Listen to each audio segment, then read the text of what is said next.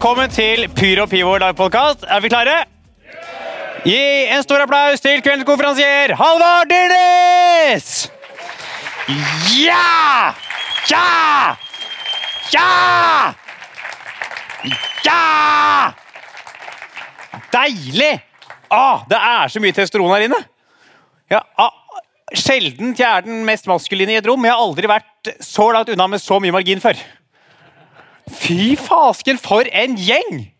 Er vi klare for litt Pyro Pivo-show? Ja, ja, ja, det er helt nydelig. Vi har et fantastisk altså, dette, her er, dette her er et prøveprosjekt. Dette her er en risikogreie. Altså, vi har samla 200 hardcore fotballfans som liker rumensk fotball i ett rom. Dette er ikke trygt. Det der ser ut som en lufteruke. Der har vi sniper fra politiet. for vi må passe på. Det er, dette er livsfarlig. Folk, altså, vi har drukket oss opp før show. Det er ikke fordi folk har sceneskrekk. Folk er redd for å dø. Hvis dere har sett at Noen av dere har fått plastbeger. Det er fordi vi tenker de kommer til å kaste på scenen. De må holde det rolig. Vi skal ha en nydelig kveld. Jeg tenkte sånn Før vi, liksom, vi setter på Morten, at vi kan bli kjent med dere her ute. Er det greit?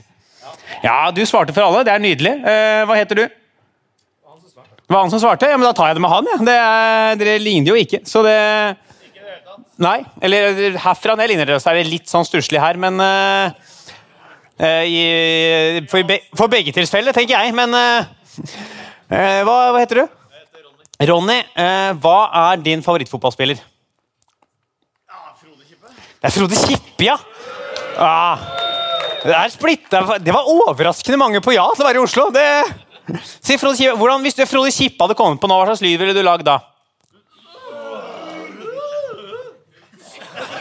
Du, du, gikk for kommelyd Frode Kippe kommer? ja? ja han, da tror jeg ikke vi skal ha med Frode Kippe nå, for da må vi tørke opp etterpå. Det er ingen som orker. Uh, veldig lurt. ja. Vi skulle bare sånn stille sånn, liksom, noen generelle spørsmål. Alle bare kan rope svar på tre, sånn at vi blir litt kjent med hverandre. Hvis det er noen av dere har lyst til å bli mer kjent med etterpå, uh, så er det bare å følge med på hvem. Hvis det er noen single gutter her som er ute etter jenter, så er det ikke så nødvendig å følge med, for det er få av dem, ser jeg. jeg har aldri vært så mange antall gutter i et rom. Det er ikke så mange antall jeg har sett, men det er, eh, så vi kan stille noen enkle spørsmål. Starte med Hva heter du? Klarer vi det på tre? Klarer du det? Da klarer vi andre. Én, to, tre! Var bare kommer de fra første rad. Hei, det er uh, Hva er favorittfotballaget uh, ditt i Sveits? Én, to, tre! Der var folk med, ja! Der kan dere! Navnet er vanskelig. Sveits. Der har vi en uh, rett på. Favorittfarge? Én, to, tre! Er det noe blått herfra? Er det Vålerenga-bastionen som har møtt opp? Nei, det var Inter, ja. Uh, og jeg kan, dette kan være litt uh, favorittfotballag. Én, to, tre! Av barlag jeg ikke hadde hørt om. Uh, uh, ok, så vi skal ha en nydelig gjeng her. Dette her er, altså, dette her er det gøyeste showet jeg vært, skal være med på noen gang. Det er så rart. Vi skal ha en fyr som skal spille fotballmedley på trobone. Og så skal vi ha en andre gjest. Det er bare en kompis av Morten. Som er interessert i rumensk fotball. Det er, det er ikke noe mer. Det er bare Morten hadde en kompis som likte Romania. Uh, og så uh, skal vi ha noen tidligere landslagsspillere. Det er jo litt, det er jo noe, det er gøy. Og så skal vi selvfølgelig slutt ha fotballuka. Noen av dere kjenner til fotballuka? Kan dere klappe nå? Ja. Det er jo overraskende mange. For det er, sant, Dette her er jo en pyro pivo. Vi er sånn nede i visjonen. Fotballuka er på toppen. Jeg kjenner de som driver fotballuka. Når de kommer, vi må ta dem veldig godt imot. For de kommer til å trenge det. Ja, men De trenger å bli tatt godt imot. For jeg, aldri, jeg kjenner de som driver fotballuka. Jeg har aldri møtt en gjeng som jobber så mye med en fotballpodkast og ligger så langt ned på listene. De ligger på 38.-plass innenfor idrett og sport. De er slått av fire friluftspodkaster. Det er fire podkaster som lærer folk å tenne opp ved. Så de må vi gi kjærlighet når de kommer. For de kommer til å trenge det. Eh, de sitter her nå allerede. Vi må, kan vi ikke gi dem, vi må bare klappe for dem. De trenger det. De, altså, de trenger det noe desperat. De er, altså, de er slått av Kari Jakkesson. Tre ganger. Det er helt krise. Eh, vi skal ha på uh, kveldens liksom, hovedperson i dag. Altså, dette her er jo Edderkoppen. Uh, vi skal nå gi en stor applaus til en fyr. Han, dette er jo Edderkoppen, tidligere Leif Justersen. Han er like høy som Leif Juster. Han har en isse like blank som barnerumpa Michael Jackson hadde blitt sjalu om han så den. Det er bare å begynne. Og, og, og du som sitter her, hva heter du? Paul, hva sa du? Paul? Sier du sa Paultime. Det- Hva er din, eh, favorittfotball, er din favorittfotballspiller? Claudio Pizarro. Hvis du hadde sett Claudio Pizarro, hva slags lyd hadde du lagd da? Ikke sant? Det var den lyden jeg ville ha i sted, ikke bøh! Nå, nå tenker vi, Kan du lage den lyden en gang til? Litt mer entusiastisk. Der, ja! Det er akkurat den lyden der vi skal ha. Vi tenker at vi alle er på, og det er Claudio Pizarro som kommer når Morten Galsen kommer ut her. Så vi begynner å klappe. Vi begynner å klappe. Vi gir en kjempestor applaus til Morten Gallosen!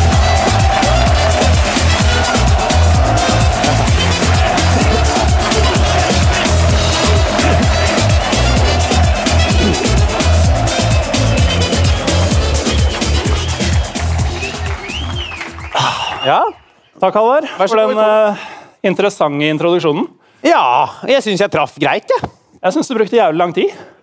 På Ja, men jeg glemte å si en ting. Det er jo den benken her. eh, Innbytterbenken her kan de som har vært på scenen, få komme og sette seg etterpå og delta litt etterpå hvis de har lyst til det. Ja, De som er PR-kåte. Ja, helt riktig. Eh. Så jeg satte meg her med en gang. Ja, du bestemte egentlig nå at det er det den skal brukes til. Ja, det er helt riktig. Ja. Uh, nå har du skravla bort jævlig mye tid, Halvard. Vi har et eh, uh, fullstappa program i dag. Shit, det er mye folk her, ass. Så vi må nesten bare komme i gang. Så eh, vår første gjest i dag er Norges herligste banehopper og korpsentusiast. Ta godt imot selveste Marius Helgå!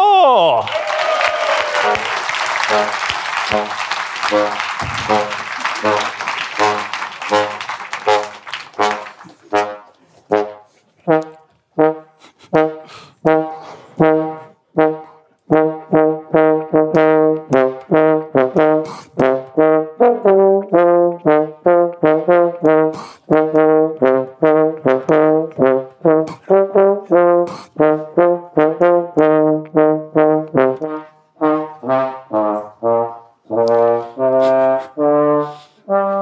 Uh...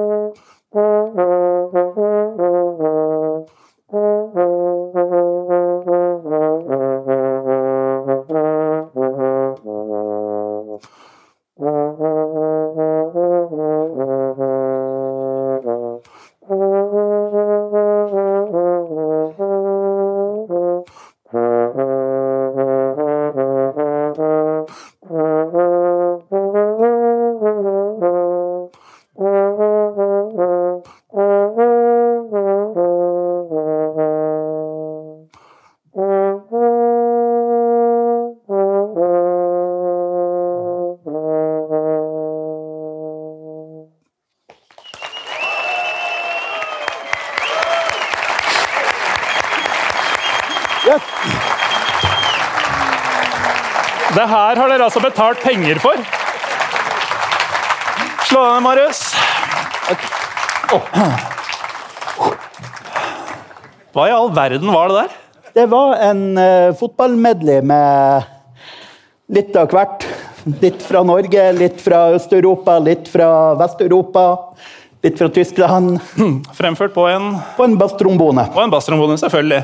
Det er naturlig instrument å spille solo foran 200 mennesker med. Ja, det skulle bare mangle. Det er veld, et veldig passende instrument til veldig mange av de fotballsagene. fotballsangene. Det, Det er mandig. de er skrevet for et mannestemmeleie, og det er det digg. Ja.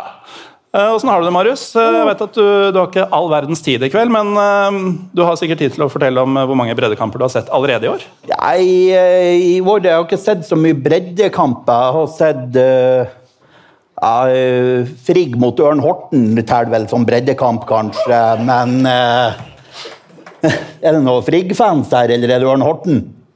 Ørn Horten, ja. Ja, Roppestad. Uh. Og så har jeg vært og sett et par treningskamper med En med Tromsø og en med Hva var det jeg så først i år? Det var Raufoss mot Mjøndalen. Brunt, brunt oppgjør. Altså, Du vet jo hva Raufoss betyr på godt norsk? Ja, ja. Ja. Vet dere hva Raufoss betyr på godt norsk? Det er et annet ord for diaré. Raufoss, ikke sant? Er- Diaré er jo ikke rau. Eh, Ræv. og rævfoss! Ja! Jeg trodde det var en, en helt annen Hva tror du Hønefoss betyr? Nei, det var det Jeg tror, jeg tror betyr det jeg trodde Raufoss betydde. Ja. Nei, sånn her kan vi ikke ha det. Skal vi ta inn en gjest til, eller? Eh, ja, jeg spurte egentlig deg. ja gjør det. Um, og bare Det så kanskje noen av dere at jeg fikk lett panikk under medleyen til Marius. Klikkeren funka ikke herfra lenger. Uh, Eh, så du har en viktig jobb i dag, Halvard. ja, den funker herfra. Uh, Ja. Bare si fra den skal klikke.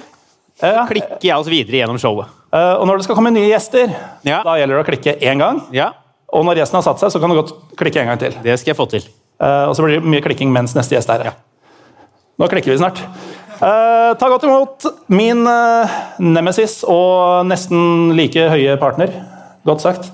Trym Ogner!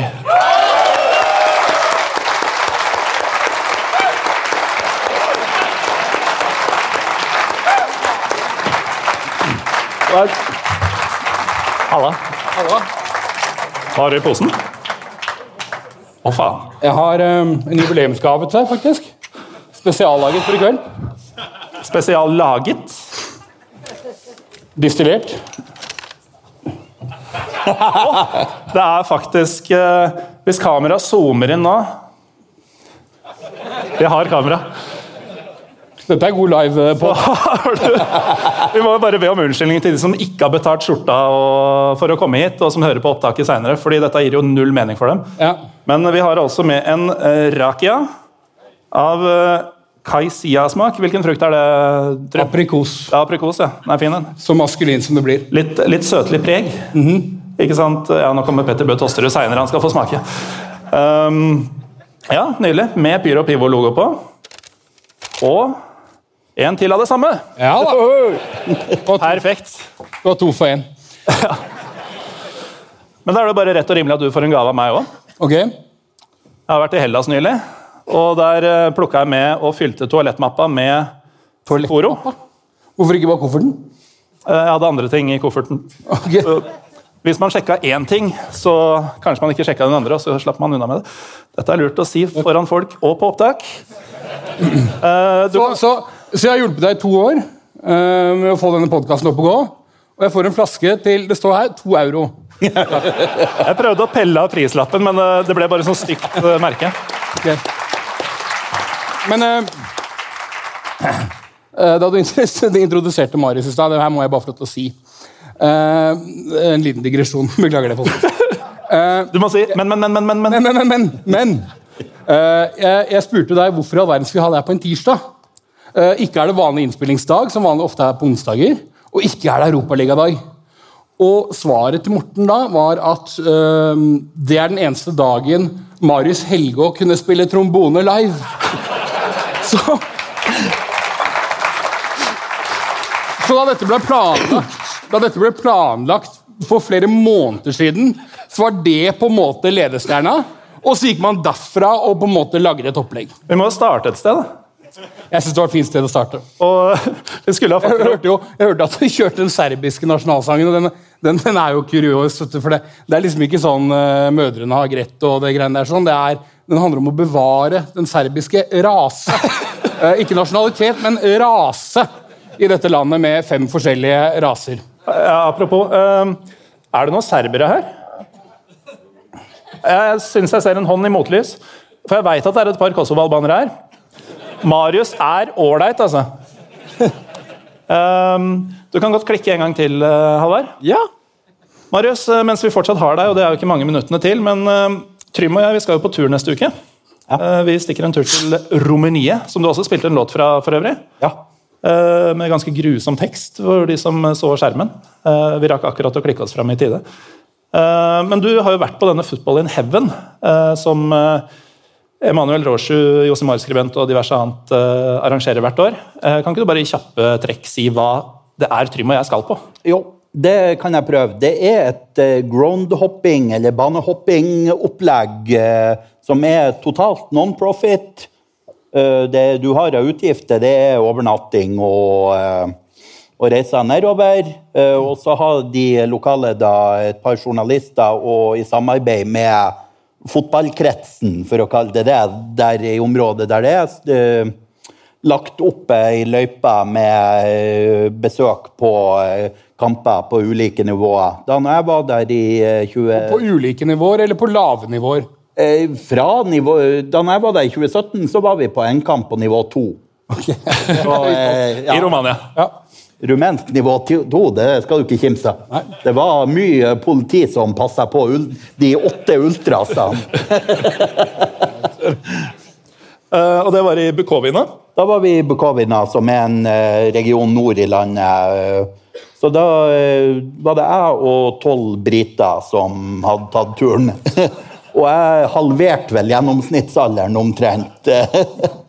Ja, og Det er ikke bare der du skiller deg ut, uh, uten at jeg skal bli ufin.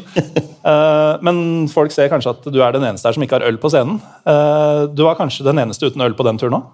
Jeg var det. Ja. det Tolv fotballbriter drakk ikke vann, de. nei da, det gikk i diverse annet.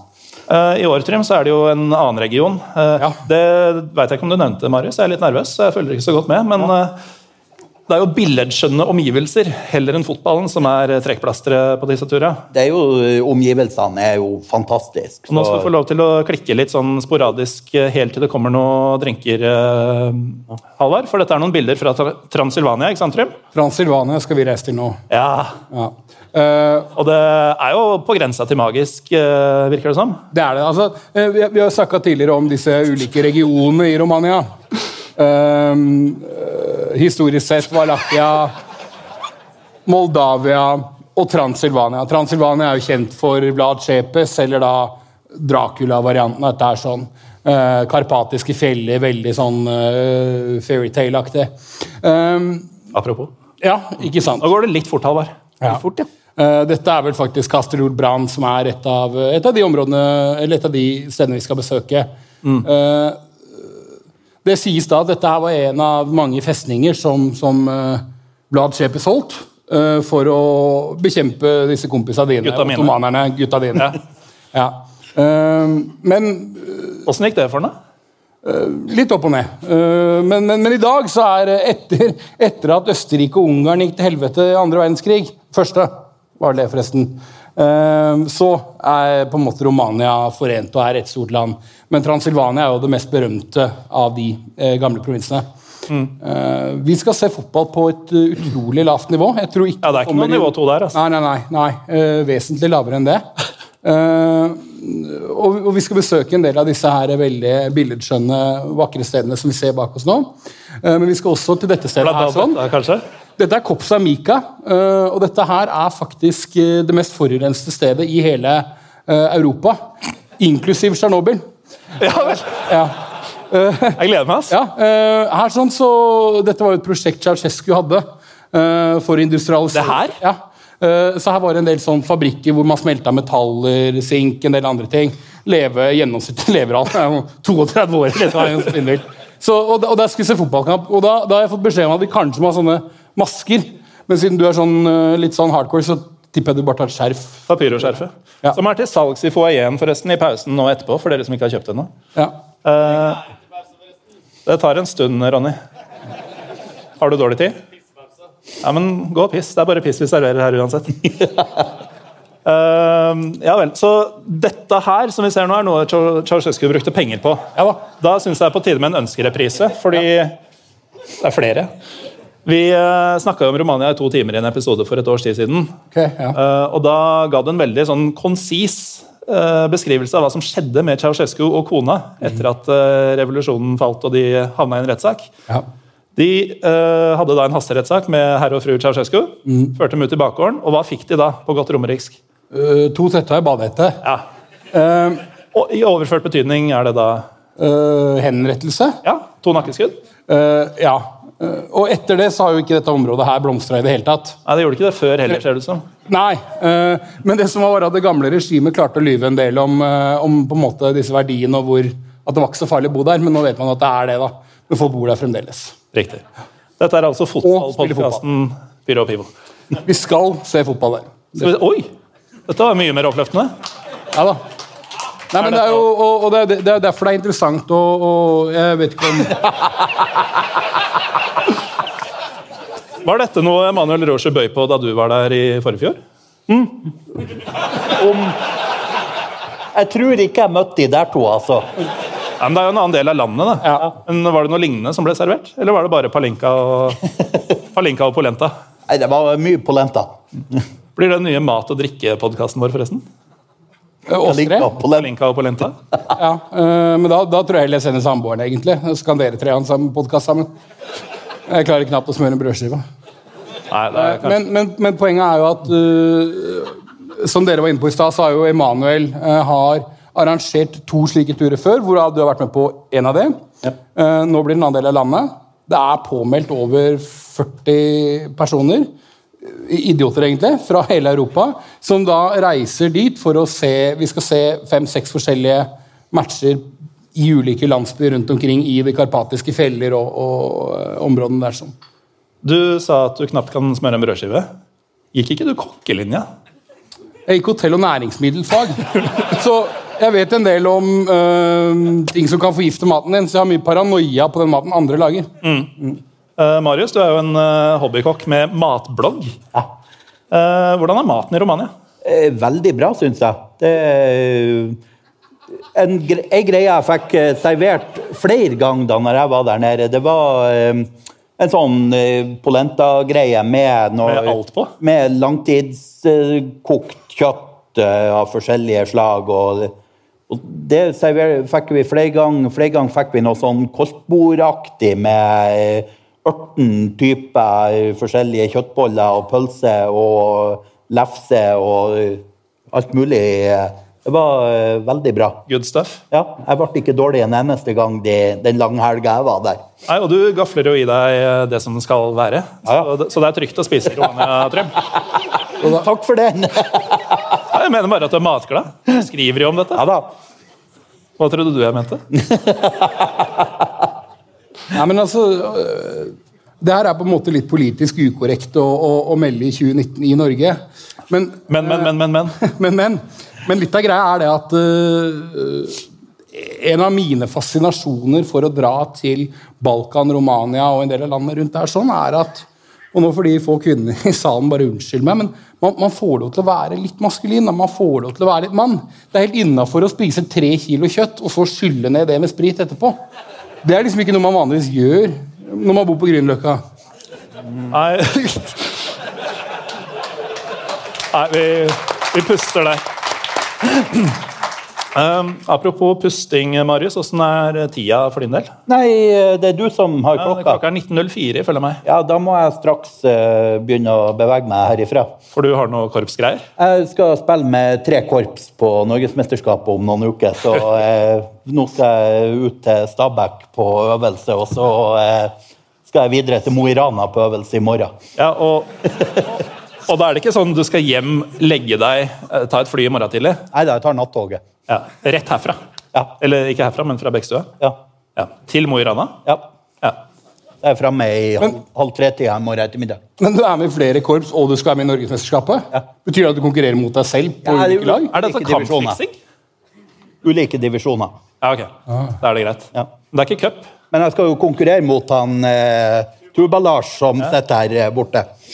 Som uh, under tvil kom inn? Som for, som for øvrig gjorde meg den gode tjenesten å skrive ned notene på 'Aldri alene til Åråsen' for meg for medleyen, så Da, da får du sikkert en applaus fra Vålerenga. Um, ja, da må vi nesten bare unnskylde deg, eh, Marius. Eh, Du kan godt klikke fram litt til, eh, Halvard. Eh, enda en, og der, ja. Den er fin. Der kan vi gi oss. Uh, stor applaus til eh, korpsentusiast, banehoppingsentusiast, matentusiast, bokentusiast, politikkentusiast Marius Helgå!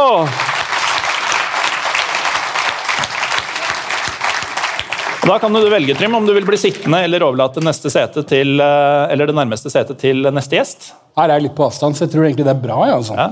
Det, Det er jo, ja, dette må vi begynne med oftere. Å ha et par meter imellom oss. vi må det. Større avstand generelt sett. Ja. Både billedlig og, og, og, og bokstavelig talt.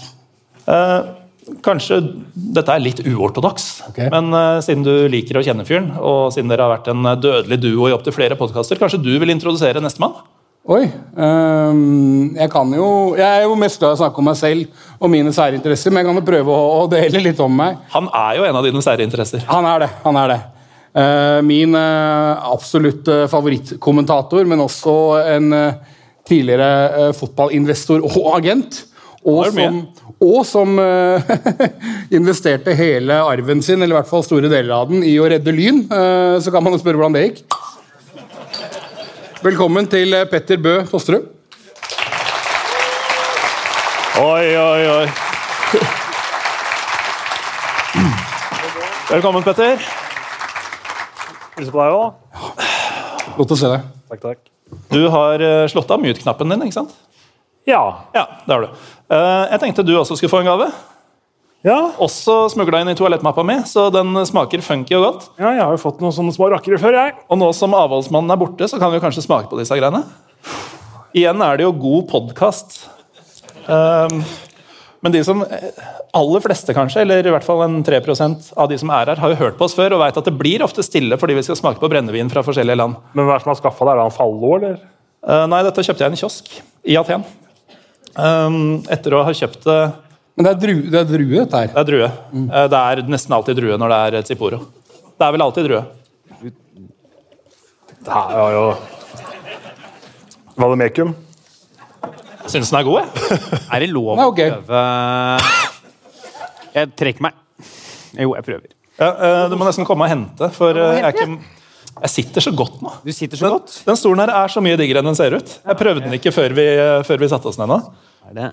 Men eh, Petter, Ja. som en av Trym eh, Hogners eh, sære interesser Dere var jo begge med i en ganske tidlig Pyro og PO-episode, eh, og mange trodde, inkludert jeg, at det var første gang dere møttes. Det var det ikke. Nei. Uh, Trym tok kontakt med meg en gang i tida.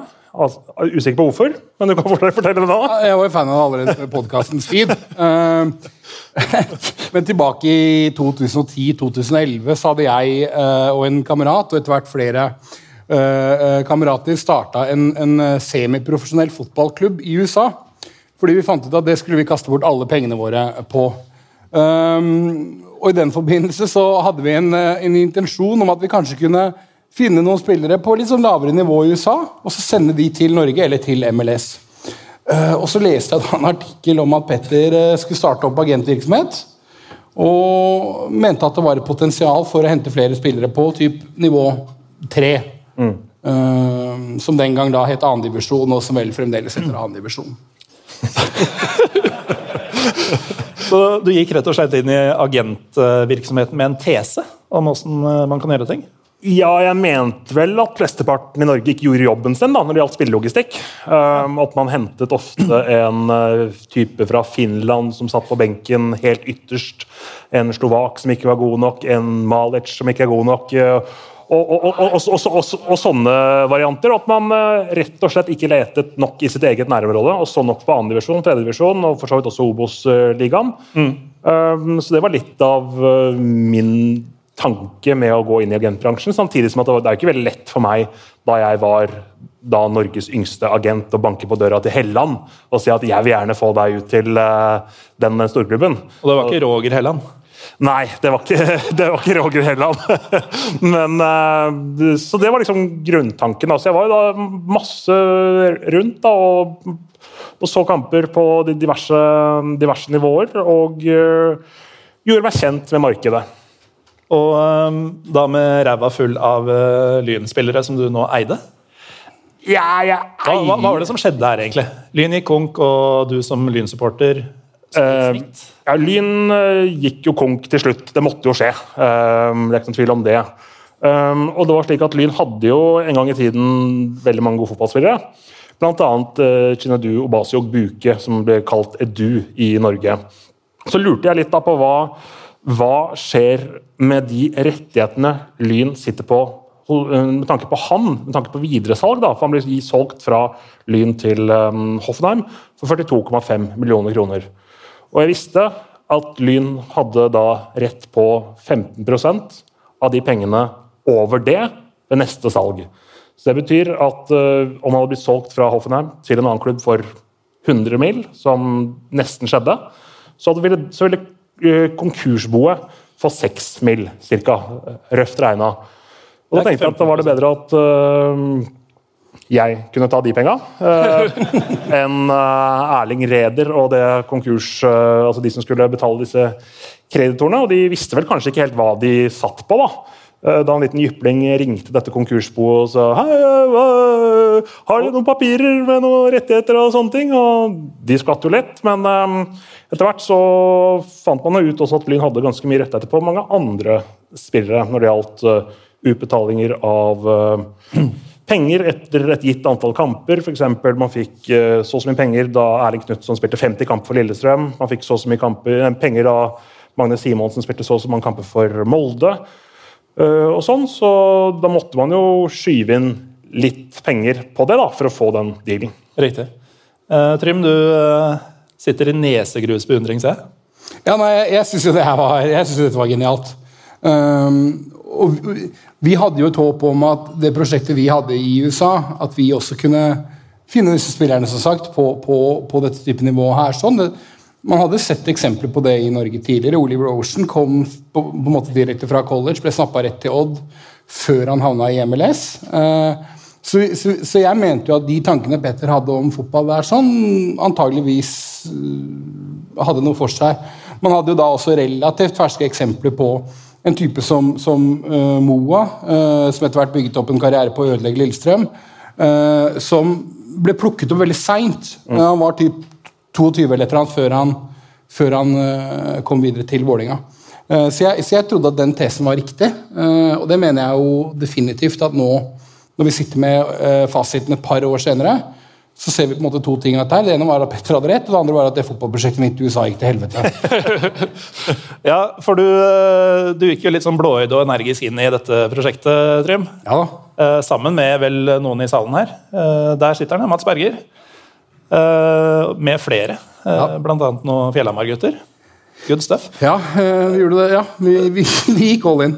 Det må jo ha vært gøy, selv om det gikk gærent? Vi hadde rasende festlig. Jeg, jeg, tilbrakte to år i Myrtle Beach eh, i USA. Som egentlig er en slags sånn white trash eh, holiday destination. Uh, Og da, så De som ikke har råd til å dra til Florida, drar til ja. Myrtle Beach. Ikke sant? Det, det er jo sånn Fluxland uh, Ja da, det er virkelig høyborg for en del av uh, Og de skal også på ferie? De, det er klart de skal ferie, de òg. men, men vi, vi, klarte å bygge opp en, en, en klubb fra, fra scratch. Uh, som spilte i det som het National Premier Soccer League. Uh, stort sett på kunstgress, dessverre, men, men, men eh, like fullt var med i ligaen der og gjorde en ok første sesong, en ok andre sesong, og har levert flere gode sesonger siden. Uh, så prosjektet ble jo veldig gøy. Men, men det er klart at det kosta litt, både i innsats og oppsvarte midler og lånte midler. Ja, Og du sitter fint i det nå, eller? Jeg landa litt på beina igjen etter at man ble tatt opp av Pyro Pivo på den. Eh, men det var noen år der hvor det var litt seigt. Altså, jeg husker jeg, etter at, eh, etter at jeg kom hjem igjen etter to år i USA, hvor man hadde kasta inn alt man hadde av penger på å holde dette flytende, med en tese om at hvis vi bare kommer oss over denne kneika og bare vinner neste kamp, eller bare lander den sponsoren, så vil det gå bra. Så husker Jeg hadde en sånn periode hvor jeg subba rundt i gatene i Lillestrøm og lurte på skal jeg kjøpe Michelin-nudler i dag, eller boller.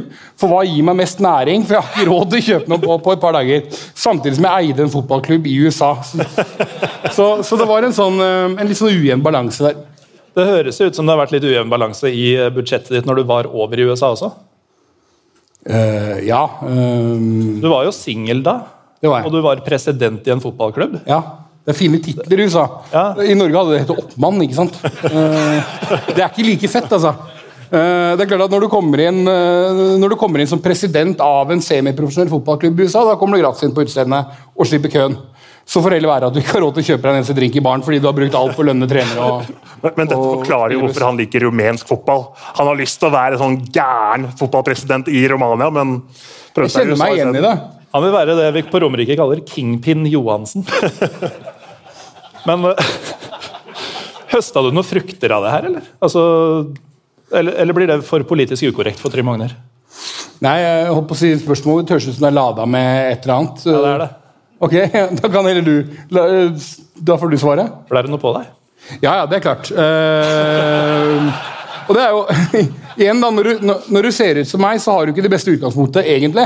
Men igjen, når du da kan kalle deg president, så hjelper det en del.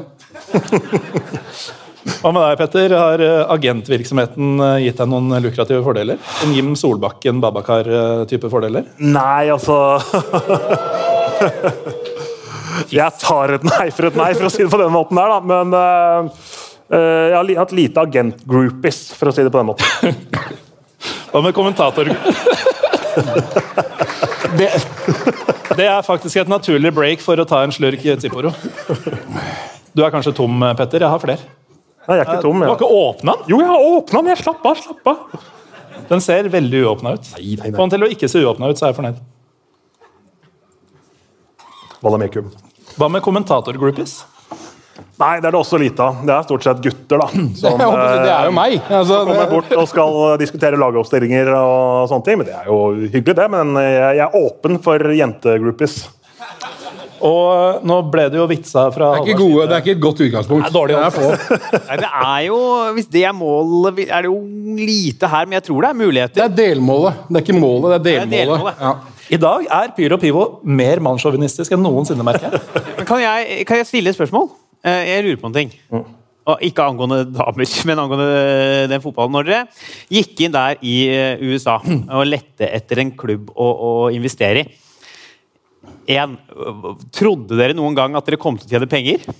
Og to, hvordan, hvordan gikk dere for å finne en klubb som dere følte passet? Ikke noe vi. Jeg backa jo ut uh, da jeg møtte Petter, Trym. Petter var helt uinteressert i det prosjektet da vi hadde det møtet. som samtale med Trym og bare no. Petter var veldig tydelig. Det var jeg også, og også en som heter Bjørn Christian Stadheim som hadde møte med Petter. Og, og, og Petter var svært reservert. Uh, og, og her snakker vi om en fyr som faktisk hadde prøvd å, prøvd å redde Lyn med å putte arven sin inn i det. Uh, selv han skjønte at det her ikke var en god idé. Eh, hva var spørsmålet, egentlig? Eh, Jeg fikk Nei, svar i hvert fall. ja, det vi visste var at vi skulle lande denne klubben enten i North eller South Carolina. Så vi hadde to forskjellige stater, og så måtte vi bare finne et marked.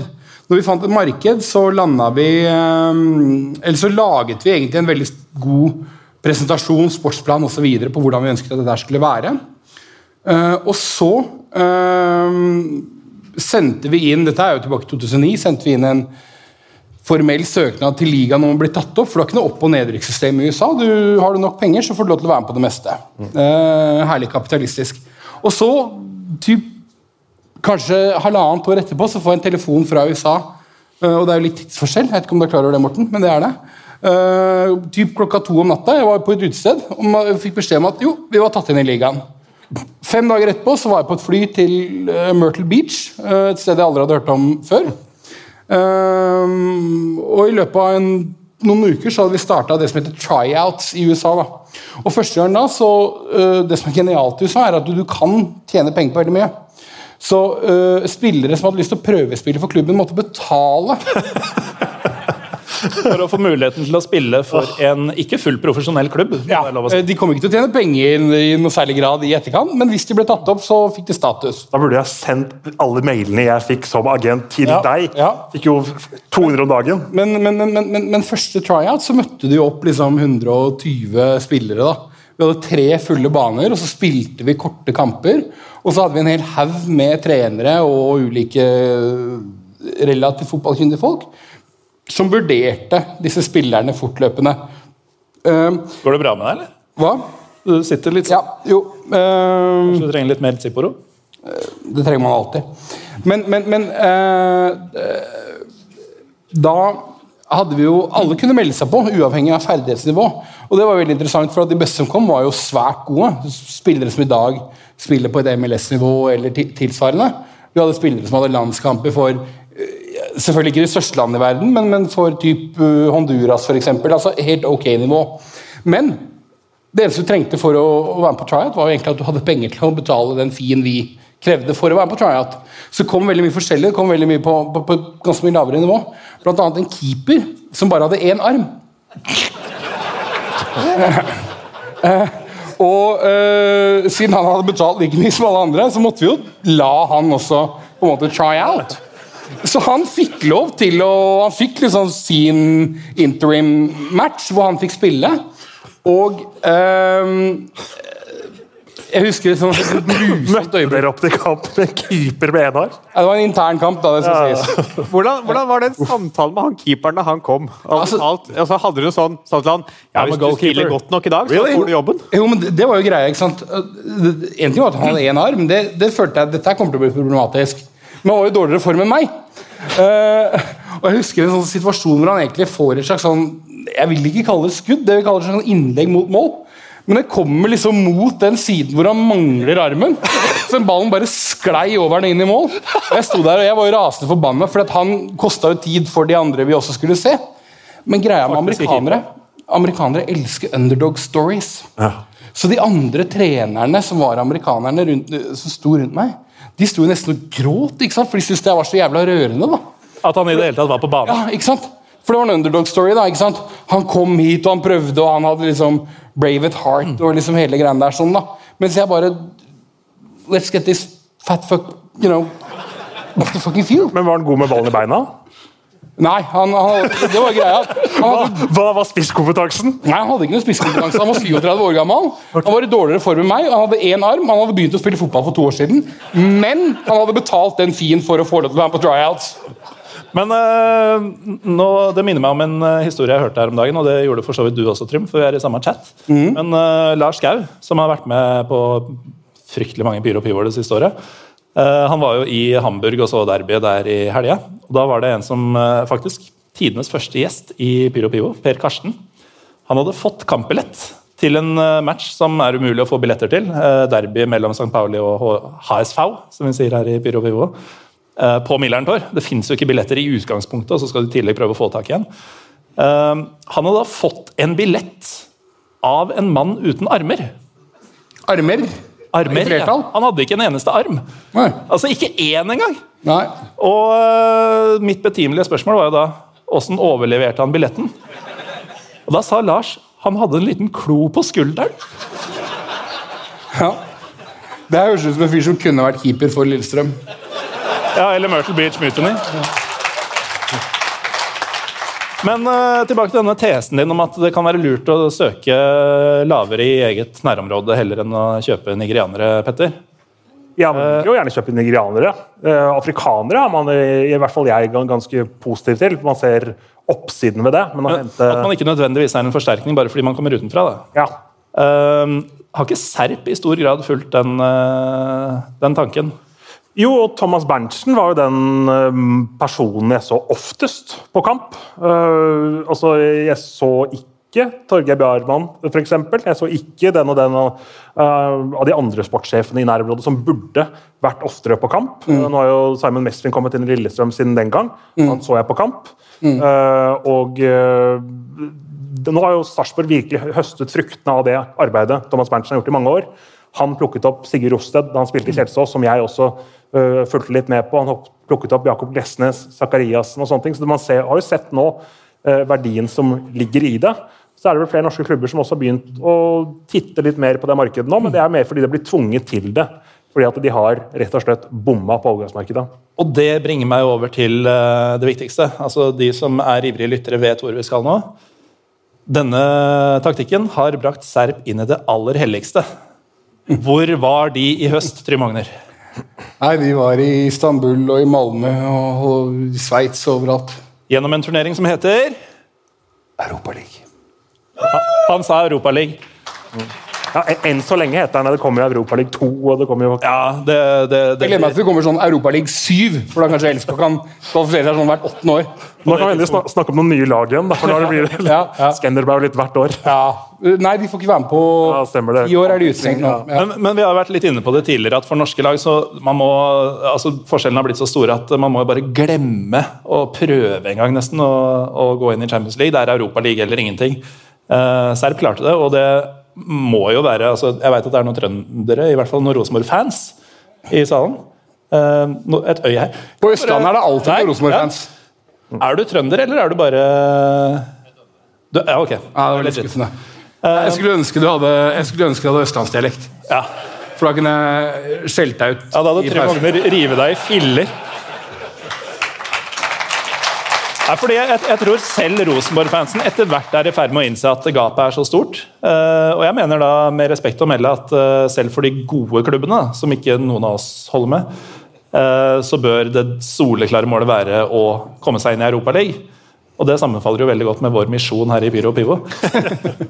Ja, men Sarpsborg tok jo i hvert fall turneringen på det største alvor. da. Og, og, De tok det jo mer alvorlig enn det vi tre gjorde. Ja. Vi prata over fire timer i høst om gruppespillet, men eh, Serp må ha prata i flere dager. Eh, Du eh, fulgte godt med, Petter. Hva syns du om figuren de gjorde?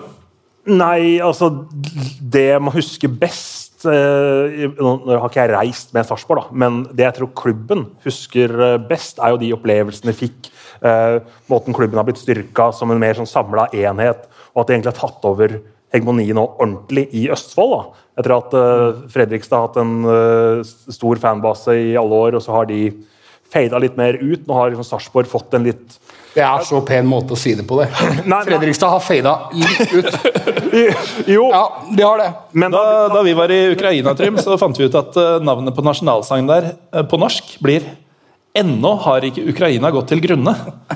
Eh, Det er så optimistisk. Ja, uh, Fredrikstad gikk jo til grunne. Det er jo bare sånn man kan si det, egentlig. Ja, eller at de har fada litt ut. Men, men de har i hvert fall klart å bygge klubben sin eh, voldsomt på dette her da, med alle pengene de har fått inn. Og også klart å bygge en slags supporterkultur som man kanskje har sett på som litt fraværende tidligere. Og dere ler sikkert for å tenke på tradisjoner og sånne ting. Men det er jo en ganske ny klubb, Sarpsborg 08. eh, Også etter alle disse navnebyttene, sammenslåingene og alt sånn. Så nå har de jo et, bygd et slags fundament i den eh, i den klubben og i den eh, byen, som dette året her har på en måte vært med å, å virkelig få kickstarta inn mot de neste årene. Så Sarpsborg går jo en kjempelys framtid i møte. Man merker jo at du lever av å snakke direkte. Fordi eh, formuleringa 'en slags supporterkultur' tror jeg redda deg fra buksevann fra publikummet. Nei, men altså, jeg, jeg jobber jo med norsk fotball eh, også. Jeg kan ikke si at det, ah, det er møkkasupportere, det er møkkasupportere og sånne ting. Jeg, jeg er jo på Du kan jo det, eh, Jeg er jo på samtlige eliteseriearenaer hver eneste sesong. Og man merker jo forskjell på hvordan supportermiljøet, hvordan trøkket er på de forskjellige arenaene. Men Da kan man i hvert fall si det slik at der er det i hvert fall trøkket blitt mer. altså Det har blitt, det har blitt, det økt. Det var kanskje ikke all verdens før. Ja, det, Det er det, er, det er sikkert lov å si. Pakket det greit inn. Er det godt eh, pakka inn, Trym? Ja, nei, jeg syns det er godkjent. Jeg synes det. Eh, men igjen, altså, det er tilbake til, til, til denne tesen om at man kunne bygge opp en klubb på denne måten. Eh, jeg fikk det ikke til, ikke til men Sarpsborg eh, lykkes så til de grader med det.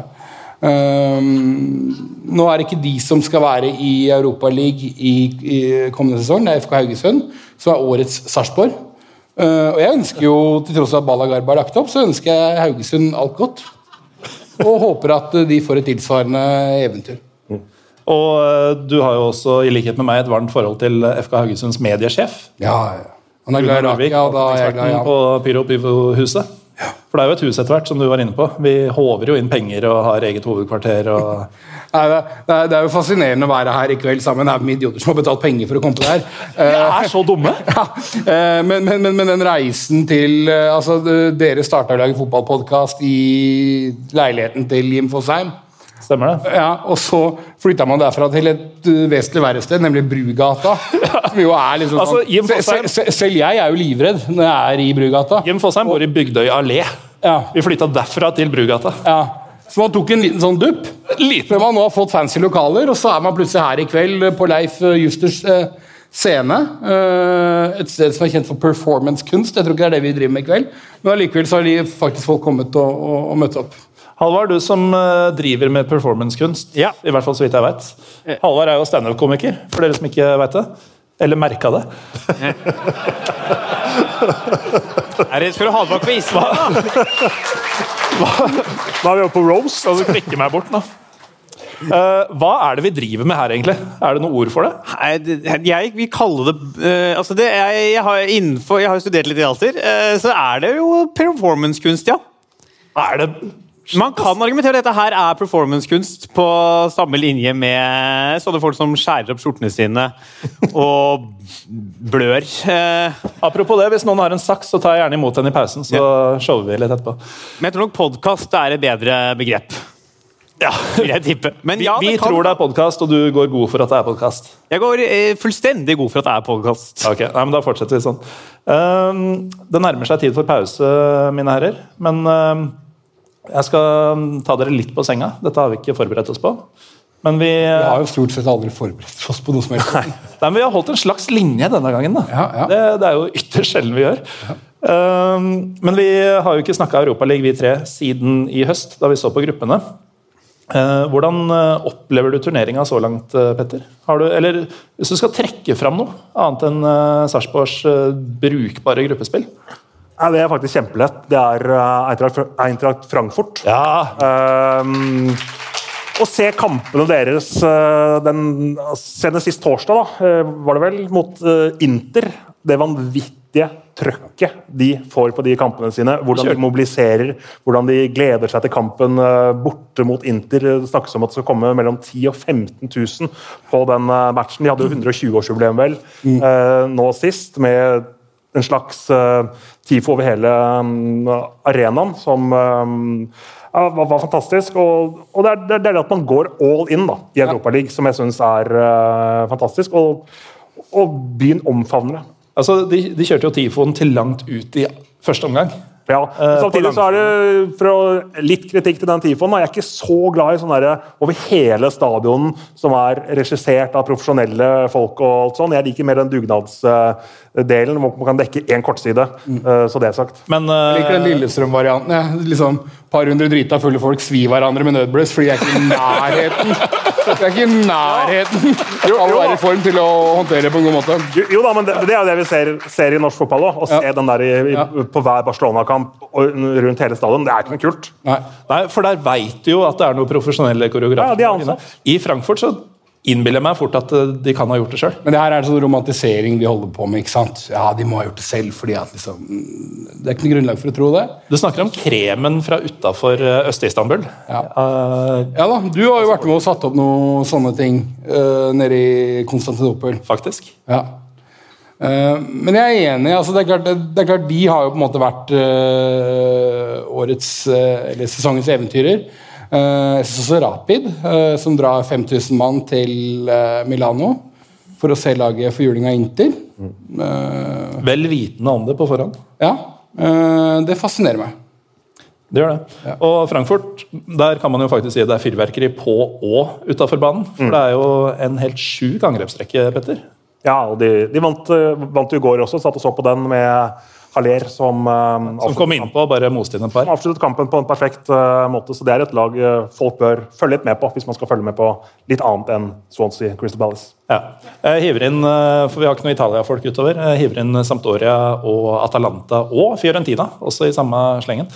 Eh, Da skal vi snart ta en pause. Eh, Den pausen kommer til å begynne idet vi har drikket opp våre tre Ceporoer, Petter.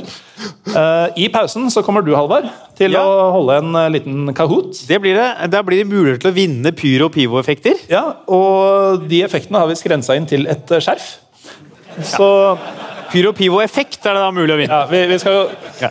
vi skal jo tross alt tjene penger på dere. Det er derfor vi sitter her i kveld. Men øh, for dere som øh, da velger å bli sittende da, og ikke må pisse eller kjøpe øl, så, så er det da mulighet for å spare 200 kroner, øh, som skjerfet vel koster, Trym. Det er du som har prisa varene mine. Jeg tror det. Det er hos han penga ligger, vet du. Det koster jo jeg som holder i det finansielle. Jeg har jo fortsatt gjeld å betale fra USA. Eh, og dette er jo da et vink til min merchmann Anders til å kanskje begynne å trekke ut mot merchbordet. Ehm, så ja, da har dere valget mellom dass og ny øl eller eh, Kahoot med én flott eller en sånn halvbrukbar premie. Eh, Etter pausen så har vi et par tidligere englandsproffer og landslagsspillere. Ikke noe big deal, egentlig. altså. Eh, Men Gunnar Halle og Trond Andersen kommer, og så avslutter vi kvelden med Fotballga! Som skal eh, se fram mot kveldens kamp. eh, Atletico Madrid mot Juventus i omvendt rekkefølge. Eh, Som vises i baren her. Og pilsen er rimelig, eh, har jeg hørt eh, fra diverse kilder, så det er bare å ta en helaften. I hvert fall, Vi tar et kvarters pause sånn cirka, så la oss si at vi er tilbake Vi sier 20 minutter, for vi er litt foran skjema. Vi begynner igjen fem på åtte. Kahoot med Halvard i pausen hvis du vil ha gratis skjerf. Men det er kanskje lurt å pisse og kjøpe øl.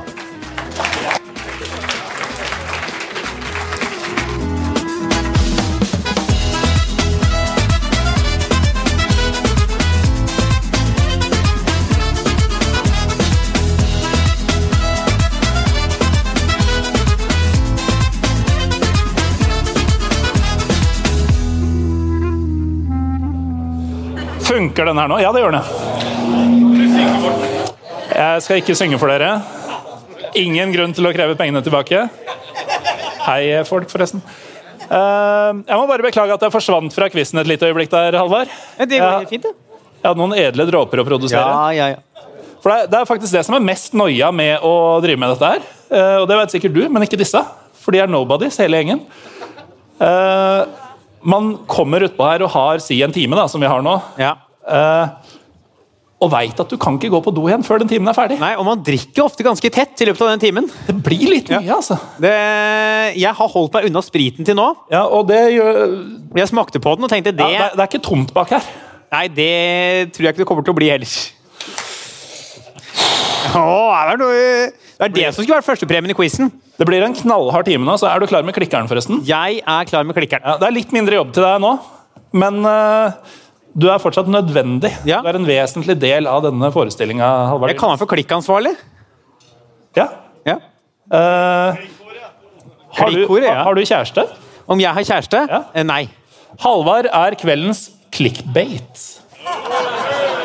Jeg fant den på nå. Den var ikke dum. Jeg setter meg igjen, jeg. Ja. Vi har jo noen gjester eh, til til dere. Selv om det er vanskelig å toppe Marius Elgaas basstrombone og Trym Hogners eh, påtatte tilbakelenthet, så har vi jo to karer på gang nå med over 100 landskamper mellom seg. Eh, må bare nevne for de som tror at Freddy Dos Santos kommer, at eh, han måtte dessverre melde forfall. Han har bytta jobb. Og ja, han er ferdig med Vålerenga for alltid. Eh, Så han sitter i eh, Champions League-studio til TV 2 i kveld.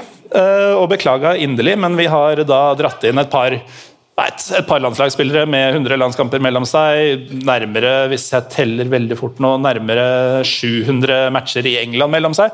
Det er sikkert noen historier å dra ut av disse to også. Ta godt imot Gunnar Halle og Trond Andersen!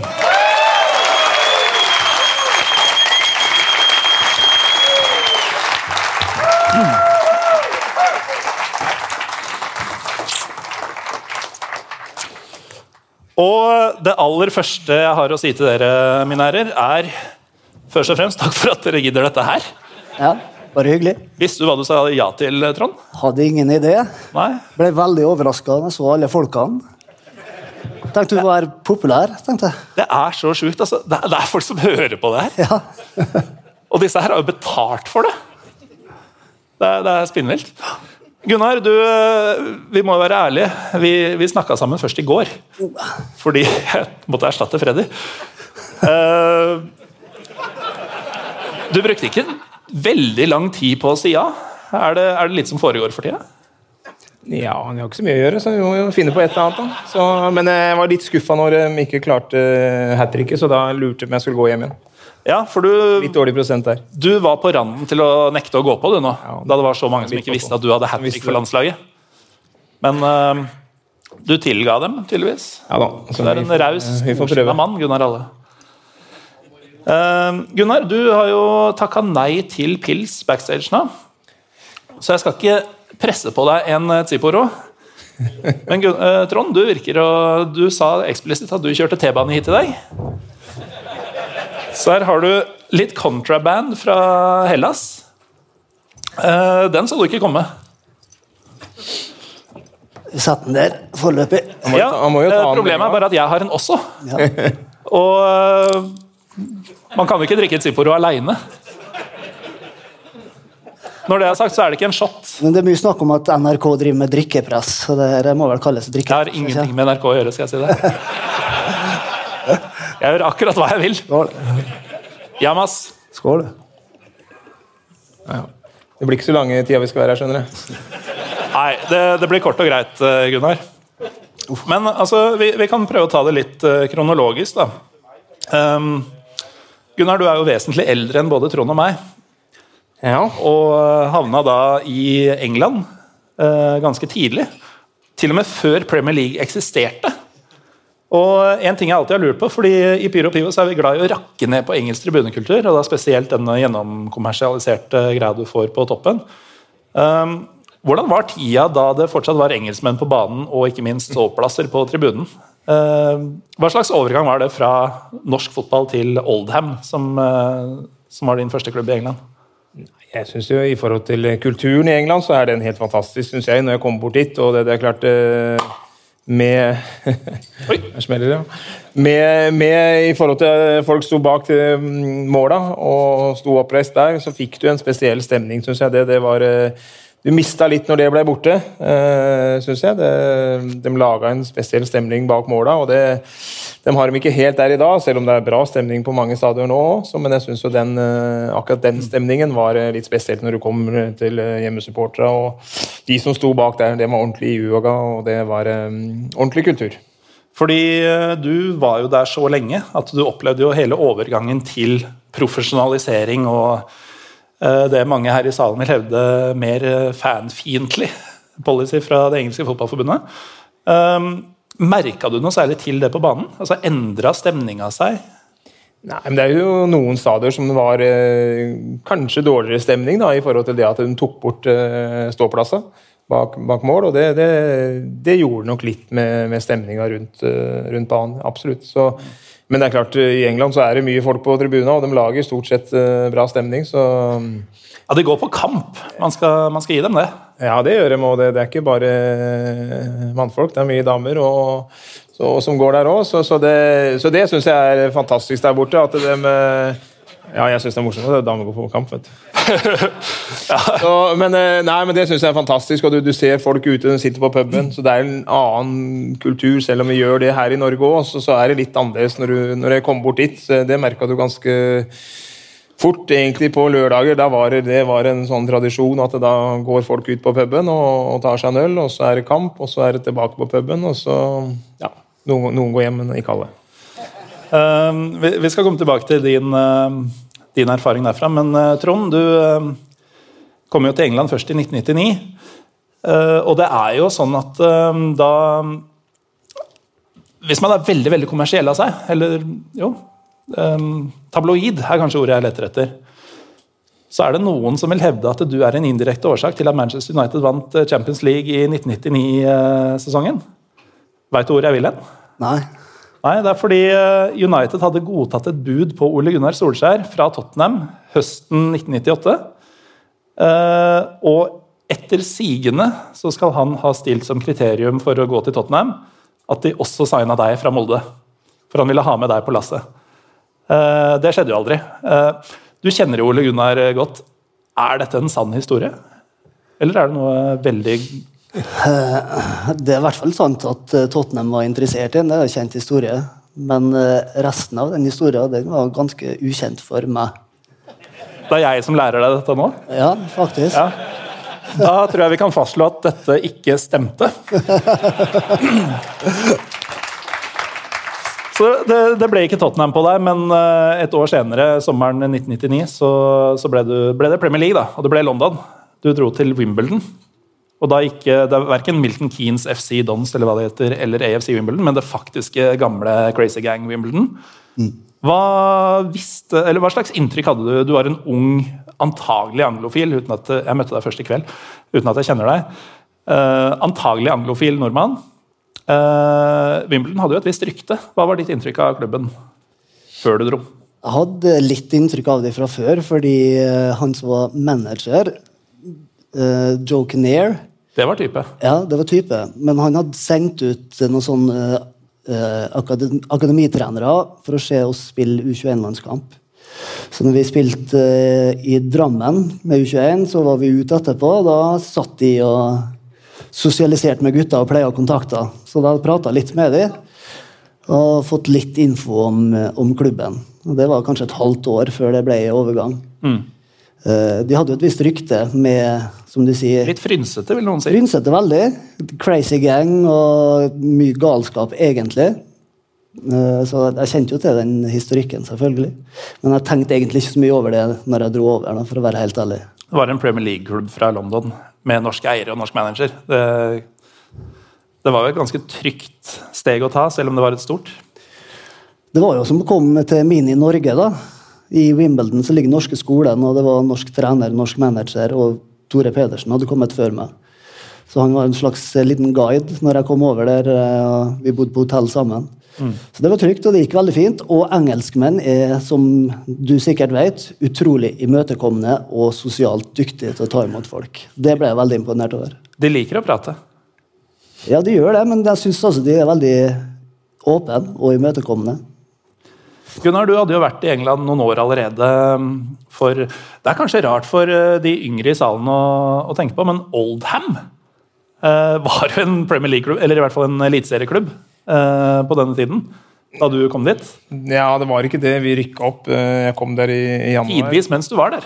Ja, i januar, og så, og så rykka vi opp, og da ble vi Premier League-klubb. Så nei, det var jo en liten klubb. Eh, vi hadde, ja, vi hadde 16 000-17 000 på kampa, så det var ikke så liten. Men eh, Var det plass til noe særlig flere? det var ikke plass til noen flere, nei. Nei, ikke sant? Så det var fullt. Eh, så, men det, det var egentlig en fantastisk sted- å komme som, eh, som første gang som profesjonell. Så, så, så syns jeg det var fint. Og jeg hadde en fin manager, Joe Royal, som var der. og eh, Fikk jo spille stort sett med en gang og, og blei akseptert. Og det var jo litt sånn i England at du på den tida da var det ikke så mange utlendinger. og jeg fikk jo høre det ganske fort, at liksom, her kommer du og tar plassen til en av de engelskmennene. Så det, det fikk jeg jo høre, men jeg følte at det så Du kjente jo litt på den. At du Ja, ok. Men uh, så følte jeg det ble akseptert ganske fort, for du, spilte, og du spilte ok, og, og du gjorde det bra. Så da fikk du den aksepten egentlig med en gang. Så uh, hadde du gjort det dårlig og ikke vært på laget, så det hadde vært litt annerledes, tror jeg. Men uh, altså Oldham ligger jo da i hvis vi er litt hyggelige, i utkanten av Manchester, altså i det området.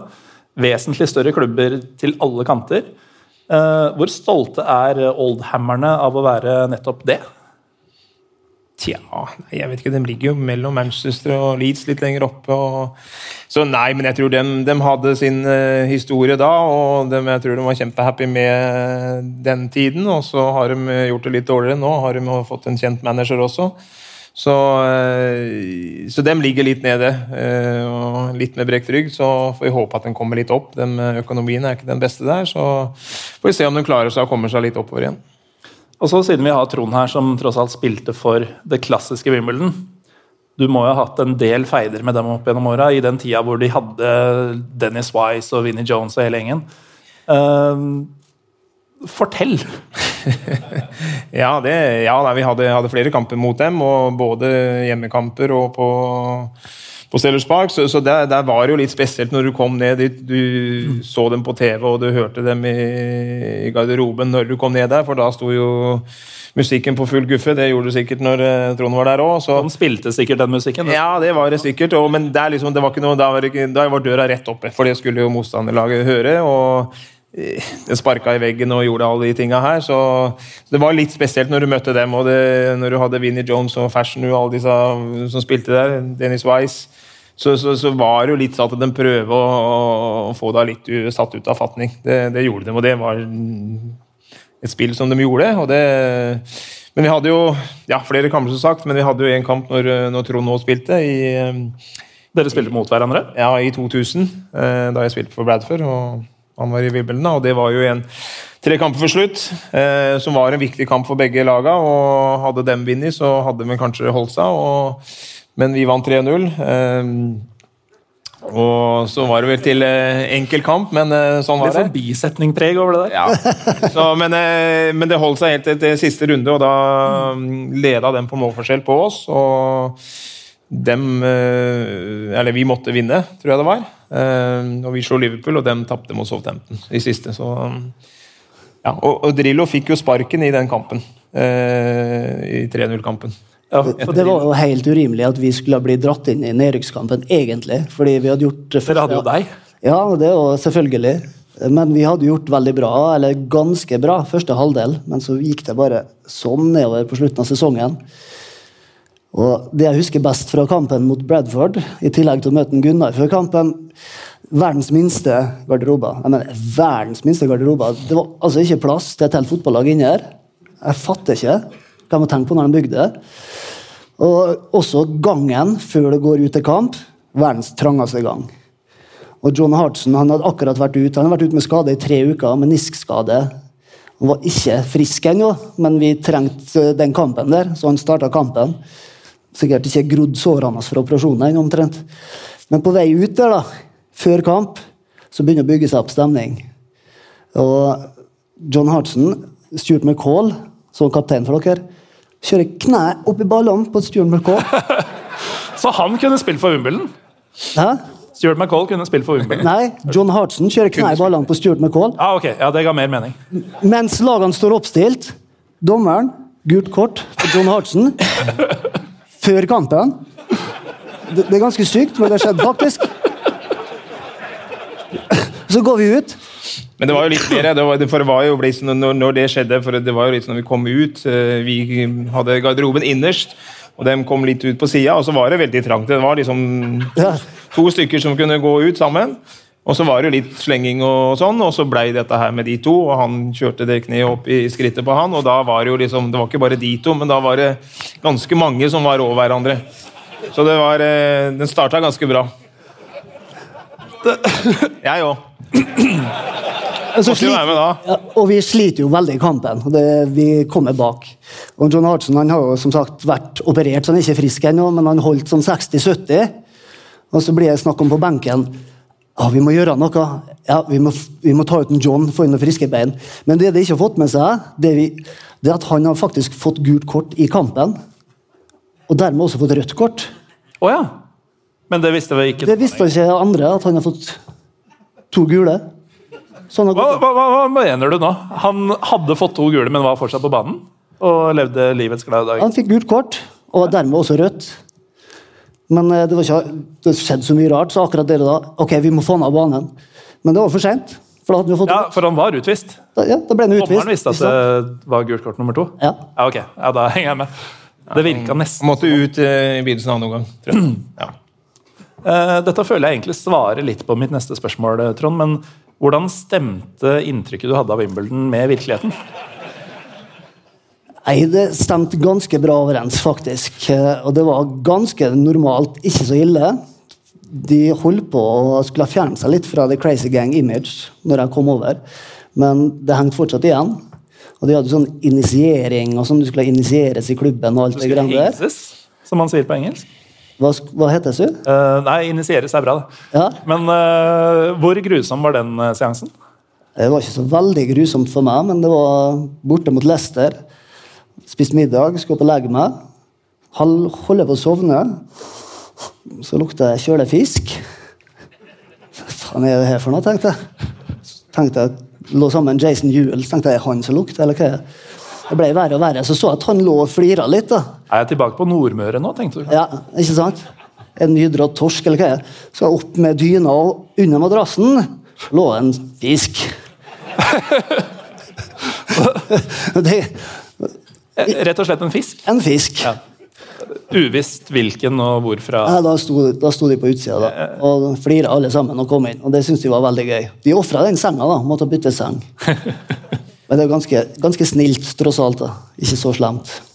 Men eh, da dere to møttes på banen, eh, som jeg egentlig ble gjort oppmerksom på at skjedde først nå før vi gikk på igjen, eh, så visste jo dere begge at det var en viktig kamp, i hvert fall for Wimbledons del. Hvordan lå dere an på tabellen i Bradford? Nei, det var jo, Dem lå jo foran oss, og så det var Ja, ikke sant, så det var en- for oss, og det, det var jo et sånn nedtrykksdrama der. Og begge veit at det er en nordmann på det andre laget. Eh, man vil jo ha de fordelene man kan få. Var det noe mellom dere, eller? Noe mind games og sånn? Jeg tror ikke det var så veldig mye der, men eh, du, du hadde Drillo som eh, tror jeg etter hvert så, så du han datt lenger og lenger ned i stolen, tror jeg, så, så han var ikke helt fornøyd på slutten der. Så, det var, ble jo siste kampen hans også, så nei, jeg tror ikke vi hadde noen sånne voldsomme greier. Det, det var nok ikke det. Tenker du noen gang, Gunnar, at uh, Drillo skapte deg, og du ødela han? Nei eh. Nei, det er et Godt poeng, det, så jeg har ikke tenkt så mye over den. Ja, for, altså, som sideback så skåra du faktisk hat trick under Drillo på landslaget. Ja. Og så er du fullstendig nådeløs når du møter den på andre sida. ja. Du Jeg tror han eh, tok den, men eh, det var jo kjedelig for dem. Og det, det, det er klart det ble forholdsvis kort opphold for, eh, for dem. Og, og de norske eierne, så eh, litt kjedelig selvfølgelig, men eh, der og da så tenker du ikke så veldig mye på at du, om han var nordmann eller ikke. Apropos norske eiere, Trond. Du kom jo inn i klubben i forkant av og ble værende under en relativt kontroversiell affære. Eh, og så vidt jeg vet, så var det sånn at eh, din siste sesong i eh, Wimbledon, eh, 2002-03, var den sesongen hvor de allerede hadde etablert at de skulle flytte klubben ut fra London og til Milton Keynes. Eh, veldig få tilskuere, skjønner jeg etter hvert, men eh, hvordan opplevde du å være en del av en eh, temmelig upopulær eh, avgjørelse? Det gikk fra 17 18 19 000 tilskuere mot Chelsea til 800 mot Rotherham. Ganske kraftig. altså Det er verre enn Åråsen de siste ti årene. Ja, ja, det er mye verre. Han som var keepertrener når jeg kom, var manager når jeg dro. Fordi han fortsatt var på lønningslista. Alle andre var slisa bort. Nei, altså Det var en spesiell opplevelse, og det var det, det var, Jeg syns det var veldig artig å være i England og oppleve å spille Premier League og førstedivisjon og alt det der, men det var utrolig trist, eh, det som skjedde med klubben. Den gikk jo fra å eksistere og være veldig bra og vital, til å egentlig ikke eksistere lenger. Uh, Gunnar, du er kanskje ikke klar over det, men vi har møttes opptil flere ganger opp gjennom året. For du har jo hatt tre opphold i Lillestrøm, blant annet. Eh, I Norge så er det jo sånn, i hvert fall i eh, klubber fra mindre byer, da. ikke mindre klubber, men klubber fra mindre byer, at uh, båndene mellom fans og spillere er ganske tett. At man treffer på hverandre på gata, på puben, på kafeer osv. Uh, hvor stort er det skillet i Premier League, Trond? Altså, Hendte det at du traff fans på dagligvarebutikken, eller eh, var dere helt skjerma? Ja, det skjedde hele tida, det. Ja. Og eh, hvordan tok de eh, deg eh, etter at dette byttet Altså Var du en del av denne avgjørelsen ifølge dem, eller, eller fikk du gå noenlunde i fred og folk sukka og klaga, men Nei, det, Var det, det altså det var protester før kamper. Når vi kjørte inn til kamp, da var det protester, men ellers i dagliglivet så så opplevde jeg ikke noe problem med det. De har veldig stor respekt for fotballspillere borti der, så det var ikke noe problem. Vi må gå litt inn på deres eh, egne karrierer også. Gunnar, vi har nevnt hat tricket for Norge. Jeg kikka litt på en meget troverdig kilde i går, eh, Wikipedia, og telte meg fram til at du har, som forsvarsspiller, eh, pluss minus 40 mål for klubb og landslag i løpet av karrieren. Hva er det du dreiv med, egentlig? Var du feilplassert? Nei, jeg var ikke bare bak der. Jeg var litt uh, framover òg. Jeg, jeg starta jo egentlig som, eh, som spiss på juniorlandslaget, så, men det gikk stadig bakover. Så det, Men juniorlandslaget er ikke med i den statistikken? nei, den er ikke med i den statistikken. Men eh, faktisk, så, når jeg var i England også, så spilte jeg mm, ja, egentlig i alle posisjoner, tror jeg. Så det, jeg spiste, spilte spiss i Oldham også, en kamp. Så jeg ble unntatt keeper. Det var vel eneste posisjon som jeg ikke spilte. Så det var eh, Så jeg var litt framme der også, ja. Men den kampen du skåra hat trick mot San Marino, da var du back, eller? Da var jeg kant, tror jeg det var. Da var du kant, det. Ja. Fordi, Hvis jeg ikke husker helt feil, så skåra Roger Nilsen, som også, som, også, på å si, som spilte back, skåra to mål. Ja, det var kanskje Beck jeg var. Hvis dere var backpar, så skåra dere halvparten av de ti måla. Ja. Det tror jeg er uhørt i enhver altså, Patrick Ween, hvis du skal lage quiz en gang, sjekk ut hvor Gunnar Halle spilte. Er det litt, fucked up at jeg veit hvor folk sitter? Morten, kan jeg, kan jeg jeg skyte et Ja, du fins også. Ja, ja, ja. Jeg lurer, jo- jeg lurer på en ting. Eh, Når man er eh, Jeg kan bare snakke for meg selv, men jeg er sikkert mange her som har spilt fotball på veldig lavt nivå. eh, Og som syns Beige spille gruecup var stas da vi vant det. Eh, Når man er da i England, men man er på et lag eh, hvor det går dårlig, klarer man å liksom ta et skritt tilbake og være sånn jeg er og spiller proff i England, eller er man bare liksom inni det at det går dårlig for laget hele tiden? uh, Gunnar virker å tenke. Ja, ja, men eh, jo, det er klart du, når du spiller kamper der borte, så, så Du blir jo misfornøyd og, og når du taper og, og det går dårlig. Og det er klart supporterne dem har en påvirkning, dem. Og det er klart når du sitter om det er 10 eller 20 eller 30 000 på tribunen og buer, så er det ikke så morsomt bestandig. Så det øh, Jeg følte at øh, Jeg hadde i hvert fall lyst til å gå ut og spille kamper. Jo- mer folk, jo bedre var det, syns jeg. da. Så det, det, var, øh, det var bra. Men jeg kan jo det er klart, når ting går gærent, så, så er det ikke bestandig like morsomt. Ja, det, det er det ikke. Så det kan du bare ta én historie, da, siden dere skal ha historier. Vi tar historier. Ja, så det, Nå vet jeg ikke om det var at du gjorde jeg tror ikke om vi hadde tapt eller ikke. Det var på lørdagskvelden i hvert fall. da. Jeg var kommet hjem og bodde litt på utsida Oldham da jeg var der. Ehm, kom hjem til familien, og så skulle jeg ja, Klokka var sånn sju-åtte-tida tror jeg, på kvelden. Og da plutselig så smalt det i, i vinduet. En ball som bare føyk i, i vinduet, og så løp jeg ut. Så ser jeg bare en gjeng som løper av gårde, og dem eh, var sju-åtte stykker. da. Rundt hjørnet, og jeg fløy etter dem. Og så kom de borti der, og så stoppa dem. da. Så var det jo seks-sju stykker. da. De var sikkert 16-17 år. Og så lurte jeg på hva, ja, hvorfor, de gjorde, hvorfor de gjorde det, for jeg hadde hatt to innbrudd rett før. da, I samme huset. Eh, så lurte jeg på hvorfor de gjorde det. Nei, det, nei, det, det var ikke noe spesielt. Ja, men eh, det er unaturlig at det bare smeller den ballen i vinduet. Så sa jeg, nei, så kom han igjen, da. og så Den hadde jo sikkert drikket litt, så kom opp i ansiktet mitt, og så Ja, vil du slåss? Nei, nei, nei slapp av. tenkte jeg her, 6-7, det var jo 16-17-åringer, så de var ikke så små. Og eh, nei, så, så bare slapp av, så jeg så, ja, så han ville opp og slåss, da. Så litt mer, og så plutselig så bare kjente jeg han bare skalla meg rett i her. Så da tenkte jeg ok, nå må jeg bare gå. og da var det litt sånn at eh, jeg tror vi hadde tapt kampen da, på, på lørdagen, men eh, så kom jeg og søndagen så var jeg hjemme, og da selvfølgelig begynte ble en svær blåveis og hovna opp, så jeg kom inn på kampen på, eller på treninga på mandagen og sa, lurte på hva fader jeg hadde gjort. Så han sa nei, jeg fikk en albu i, eh, i kampen, så Jeg gikk på en dør. ja, gikk på en duell, så jeg sa ikke at jeg hadde fått, vært ute og fått en smell av en 16-åring. Er, de var tøffere da vi tapte med Oppsal 3. Aldersbestemt. Ja, Det tviler jeg ikke på. Eh, en liten digresjon, som Trym Magner liker å si. Så jobber jo jeg som eh, lærer, og en elev gikk faktisk på en dør i går. Og vi fikk jo helt noia, fordi det er jo en eh, Altså, alle veit hva 'gikk på en dør' betyr. Og, og om denne eleven da kommer hjem med en blåveis og sier 'jeg gikk på en dør', hvem er det de ser på først da? Jo, det er han skalla giganten de har som lærer. Foreløpig har jeg fortsatt jobb, da. Uh, Trond, du runda av eh, karrieren i Danmark. Og i den forbindelse så har vi fått faktisk et lytterspørsmål, selv om vi ikke har åpna for det. Så er det noen som finner en, eh, en vei. Um, det er en veldig stor Brønnby-fan i salen. Og han lurer på hvordan det var å ikke det å spille i Brønnby, men å spille under det han omtaler som Skandinavias største spiller noensinne, Mikael Laudrup. Hvordan var det å spille under Mikael Laudrup? Ja Hva skal jeg si? Når jeg Så som så? Ja, nei, det var, det var en utrolig, ut, utrolig opplevelse, rett og slett.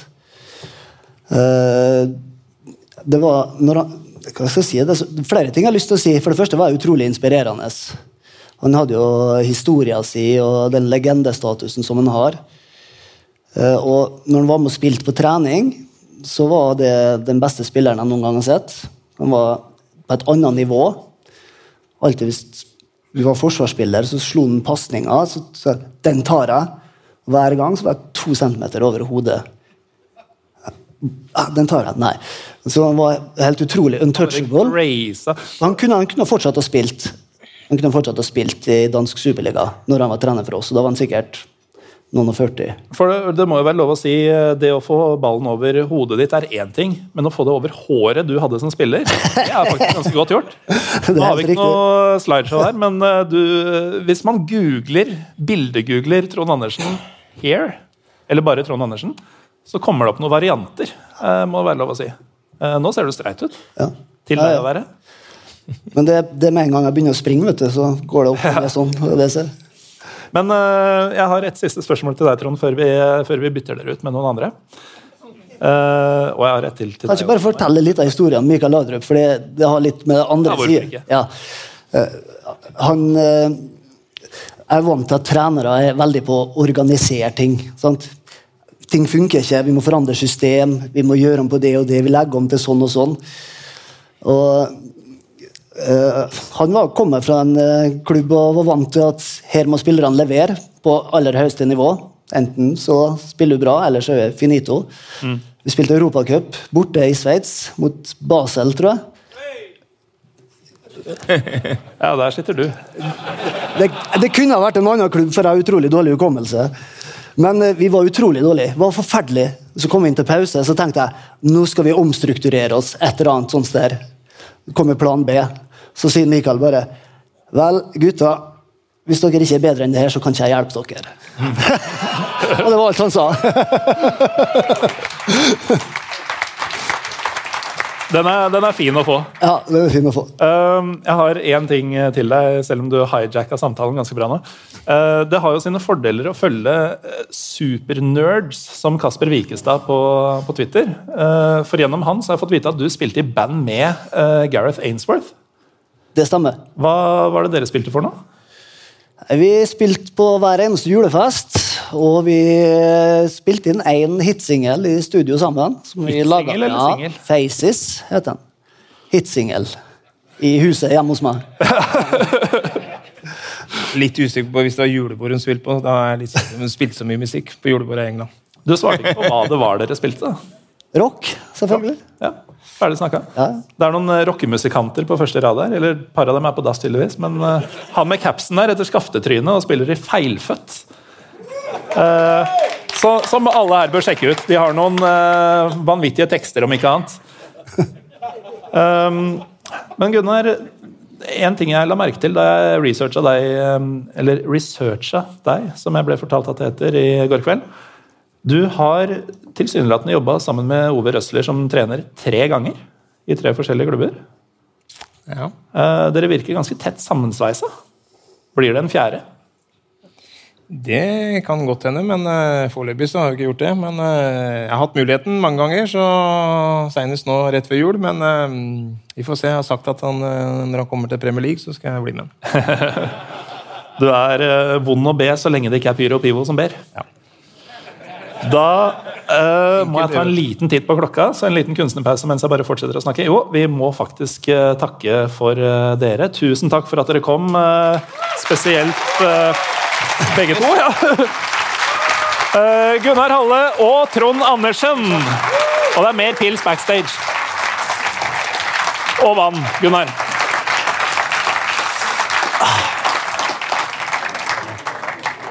Og Da skal jeg bare stå her litt mens jeg ser om eh, overgangen fra headsetet til Gunnar og Trond går smidig over til eh, neste gjester. Halvard, kanskje du kan joine meg, så det ikke blir en uh, Ja. monolog. Hva syns du om uh, disse gutta? Du, jeg, jeg blir jo Ikke helt ærlig, men liksom Ja, ikke helt ærlig. Ja, da, blir det- da får vi ta noe annet. Jeg blir jo veldig fascinert. Er gøy, Jeg har jo vokst opp og sett mye Premier League, men liksom etter deres tid. Etter Trons også? Ja. Du Eh, er ung, ass. Jeg er jo det. Jeg eh, er jo liksom fostra opp på si 2004 og frem, da. Da var det ikke så mange eh, Da var liksom lørdagskampen på NRK. Det var ikke så godt med Nei! Ja, men jeg, eh, det kan jeg- det kan jeg bekrefte. Eh, Dette er det jeg fikk meg min. Ja, Er du fortsatt på din første? absolutt, ja. Jeg skjønner ikke åssen jeg fortsatt klarer å Dette holde her, det lukter eh, eh, vodka blanda med akevitt. Eh, og det er liksom ikke min favorittsmak, da. Det det, er en, Ja, det, ja. det, er en, Nei, jeg tar den. Jeg tar den. det er en ung tunge som taler nå, for det smaker ikke det du sier det taler. Eh, Nei, jeg vet ikke, jeg har aldri smakt akevitt. Jeg bare antar. Hva er det du sier for noe?! Ja. Svein Egil kommer an på neste min. Nei. For, for å få smake akevitt? Ja. Altså, jeg har Tenk ikke så imot vi kan være imot den. Jeg har ikke noe imot å smake akevitt. Jeg har bare aldri vært med på akevittkjøret. Nei, vet du hva, Dette her gidder jeg ikke å høre på.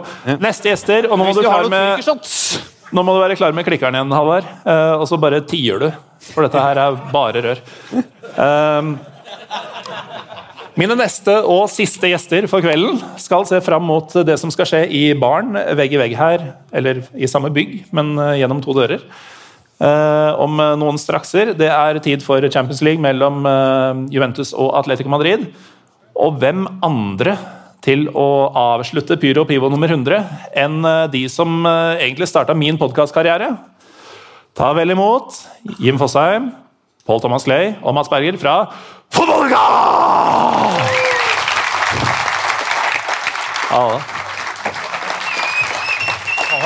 Hva har du i posen? Skal vi se. Ja, Bare eh, sett, bare sett deg, du. det er for mange gaver i dag, ass. Hva tung? Åh, noen følger meg på Twitter. Jeg gjør det. Eh, Jeg vet ikke om dette er Nei, det er kanskje ikke til deg. Hvorfor er det en Pyro Pivo-bøtte? Ja, det Den har ikke jeg bruk for. Nei, jeg har en sånn fra før her. skjønner du. Jeg har jo dem i avføringa mi. Uh, jeg skulle, skulle gjerne vist dere hva jeg fikk, men uh, det er vel uh, alkoholreklameforbud. Jeg fikk øl. Ja, greit. Jeg fikk eh, øl fra Ikaros sitt favorittbryggeri, Hansa. Med et hint av chili. Og da er det jo bare riktig at dere får hver deres presang av meg. Vær så god, Jim Dimitrios Fossheim, som snakker flytende gresk. Du veit jo nøyaktig hva dette er for noe. Mats og Pål Thomas, jeg vet ikke hvor klare dere er for dette, men det er ikke opp til dere å bestemme hva som skal skje videre uansett. Eh, Det er også litt igjen hvis det er kjempegodt, Mats. Du er jo glad i å ta et par glass for mye før du skal på podkast. Ja, ja. Trond Andersen sin er nesten eh, urørt. Min nå. Så her er det Eh, Ja, eh, den Smaker som en litt For lite krydret grappa, egentlig. det er litt sånn First Price-grappa over det. Ja. Slapp grappa. Eh, og, men, men, men det sier vi. Har du ikke lyd på, Jim? Nei. Nei. Jo, Jo, jo. Nå? Har du lyd, Pål Thomas? jeg tror det. Ja, men Da er vi klare, da. Eh, hvordan eh, Som halvt gresk. Det er det ikke alle som veit, fordi du bruker stort sett Jim Fosheim og ikke Jim Dimitrios. Ja. Fosheim. Eh, hvor ille er det å høre han uh, konnessøren av diverse sitte og rakke ned på Tsiporo? Jeg syns ikke han gjør det. Jeg, synes det, jeg har aldri Nei, altså, det før. Det er det som er verste. Grappa er jo nydelig. Så kan det sammenlignes med grappa, så er det jo uh, løftet opp. Men du kalte det First Price-grappa. Ja, for den, den er litt lite krydret, så den var litt, uh, litt tam. Litt lite Ja. krydret. Ja. Eh, for, Den er på vei noe sted, på en måte. for, for de som ikke har hørt Fotballuka, da, så har dere nå blitt kjent med den Mats Berger faktisk er. Altså, Dere veit alt om Mats Berger etter den setninga der. Siste jeg måtte skrive til Mats før vi skulle, på, eller før vi skulle ut i dag, var bare 'ikke så mye shot som på Vulkan'. Ja, for du, du ringte meg og var litt bekymra for hvor drita Mats kunne være. Ja, så vi spekulerte liksom Ok, det er jo som regel én eller to shots per øl. Nei, aldri mer enn én sidevogn. Det er for å få uh, likhet, ikke sant? Det er å, ja. For å få en i hvert bein. Ja. Men uh, For å unngå sjangling. ja, ja, man blir jo bekymra når han sender meldinger klokka 15.00 ved innspilling 19.00, og han sitter på puben. Så uh, ja, det var litt av det jeg prøvde å unngå i dag, da. Men uh, så langt så er det greit. Det er uvanlig at du er programleder.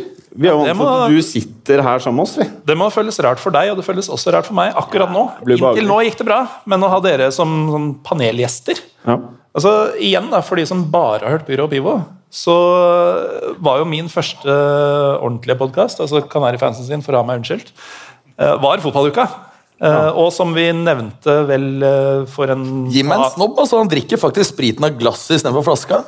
Som vi gjør i Grekenland, vet du. er det første ah, ja. gjesten som har brukt det i glasset. Altså, Vi har hatt karafler med vann og glass stående framme, men jeg tror ikke noen har rørt det. Skål. Ja. Dette er også en podkast, da. Ja. Ehm, men uh, fotballuka starta jo, som Trym var det vel, nevnte Var det godt hjem? En smak av hjemlandet. Fy, eh, ja. Du bor, du bor i Norge og ikke i Hellas av en grunn, tydeligvis. ja. Jeg er med i en annen podkast som heter Fladsett. Der ble jeg med i ganske mange podkaster for tida. Konstantinopel. Uten at det heter det. Ja.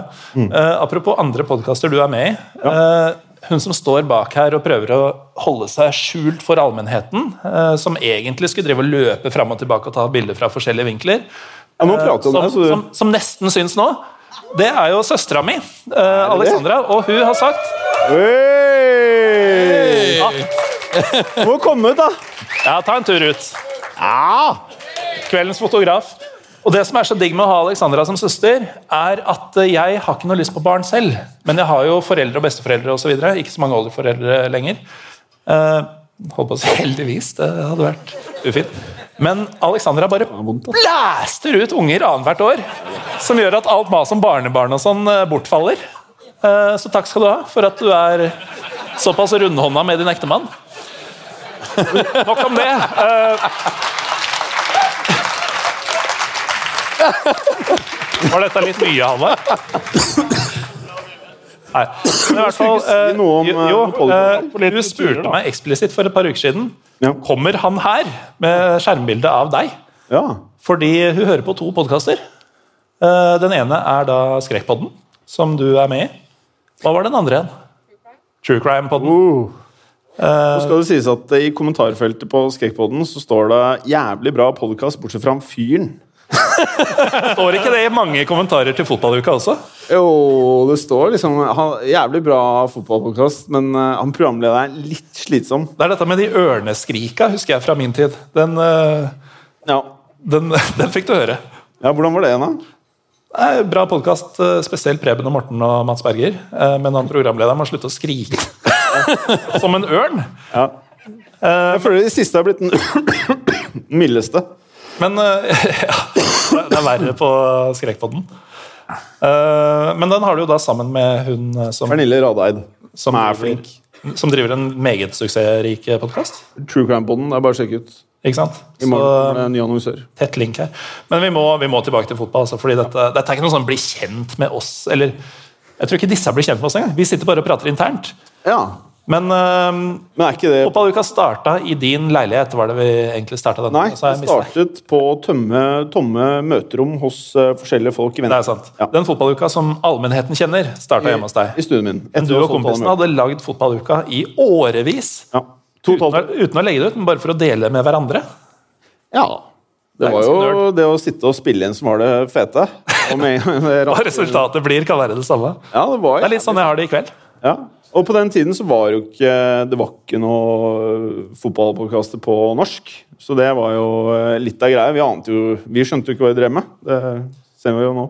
Og det er jo sant. Dette er jo bare, det er, det er under fire år siden. Mm. Og du hadde Heia Fotball. Du hadde um, det som vel ikke het fotballklubben da, men som het eh, FC Football eller noe sånt. Mm, ja Eh, kanskje ikke det engang.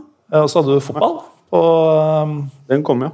Mm. var Men vi, vi var først vi, I disse møterommene så var vi før Heia Fotball. Eh, Men vi, det var bare da dere lagde deres egen podkast for vennegjengen. ja. Som dere sendte på MP3 på Bluetooth til hverandre. Det er ikke kødd. Ja. Nei, men i hvert fall, det, det har jo skjedd ting, da. Um, Og jeg, du forlot oss. jeg, jeg forlot dere, faktisk. Det, er, det, det vet jeg ikke om folk har fått med seg hvis Du ikke hører på fotballuka. Du forlot oss. Vi var ikke bra nok for deg lenger. Dere var ikke det. Og, og se hva jeg driver med nå.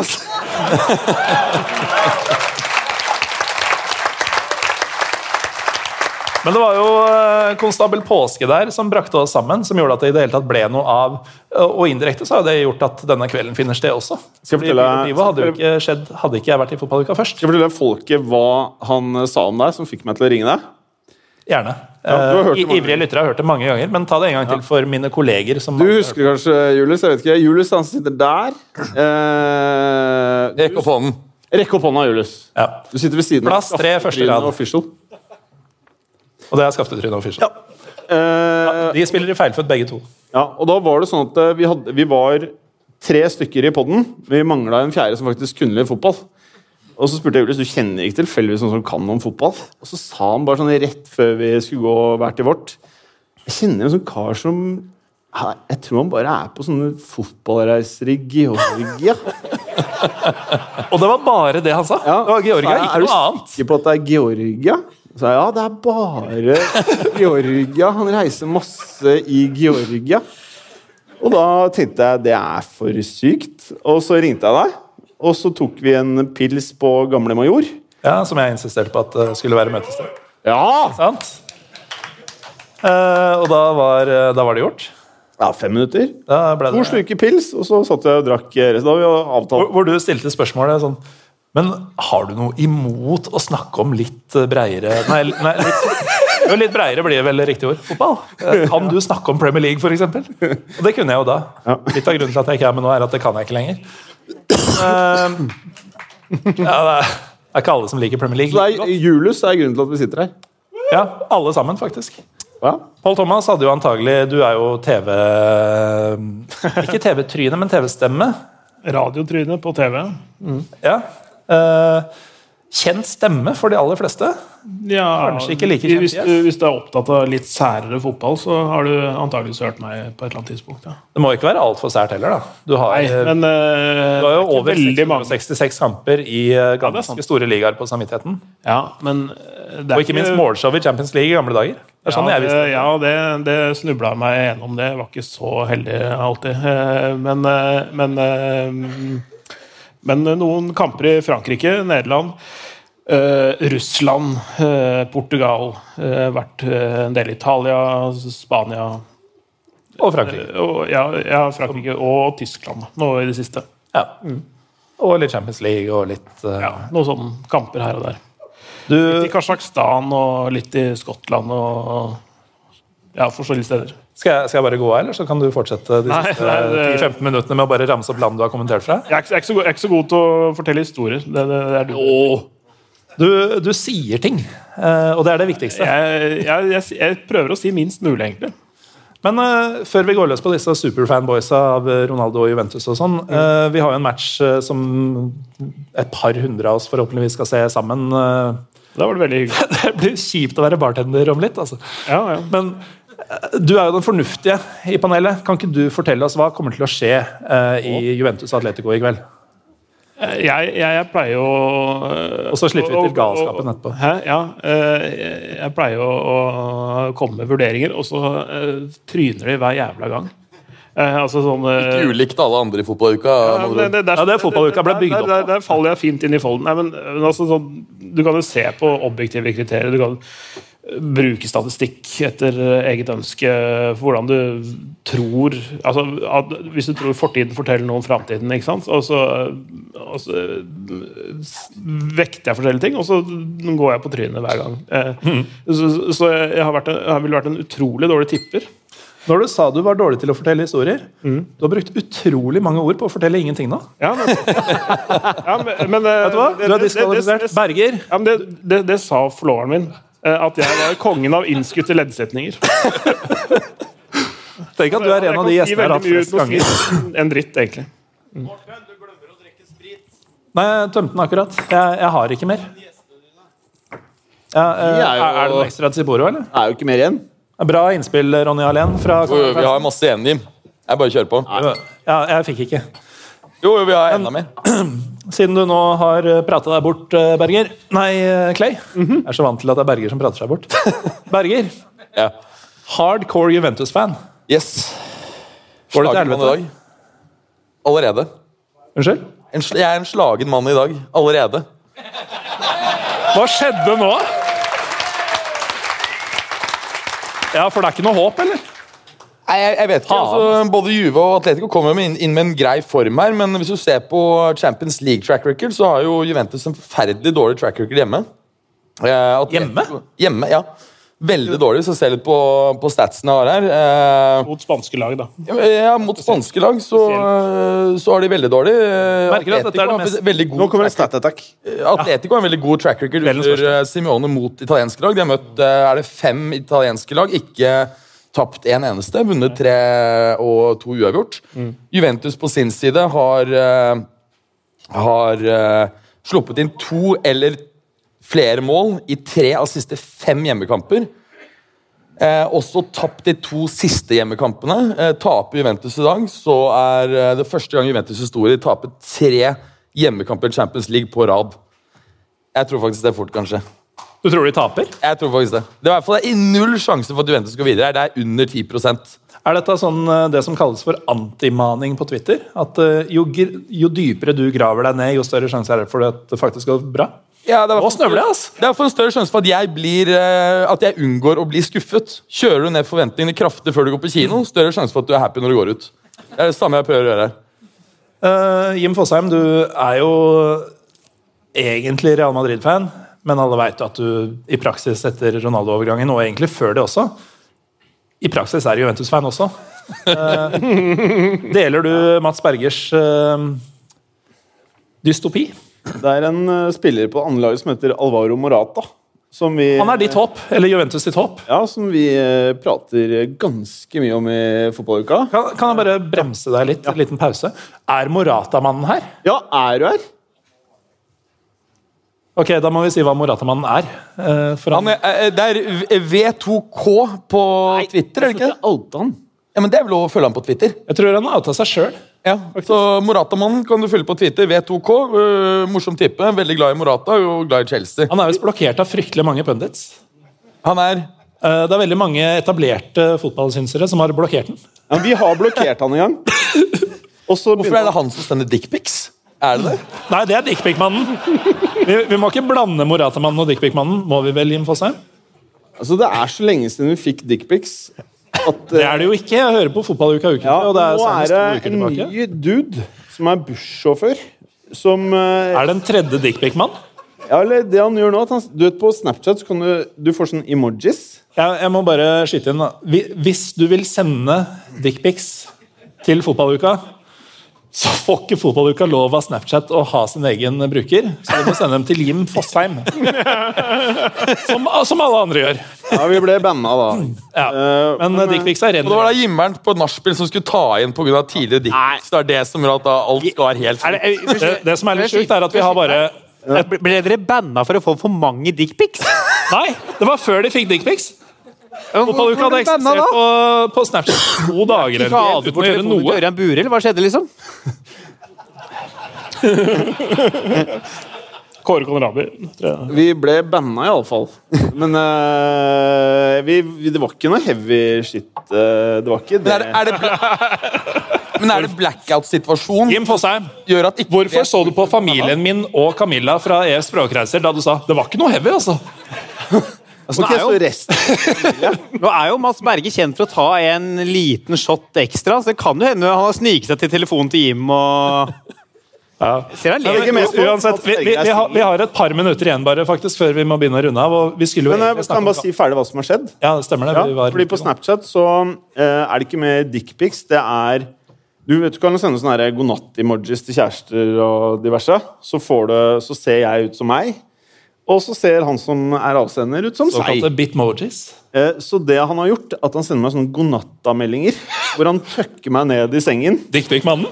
Nei, det er en ny dude, da.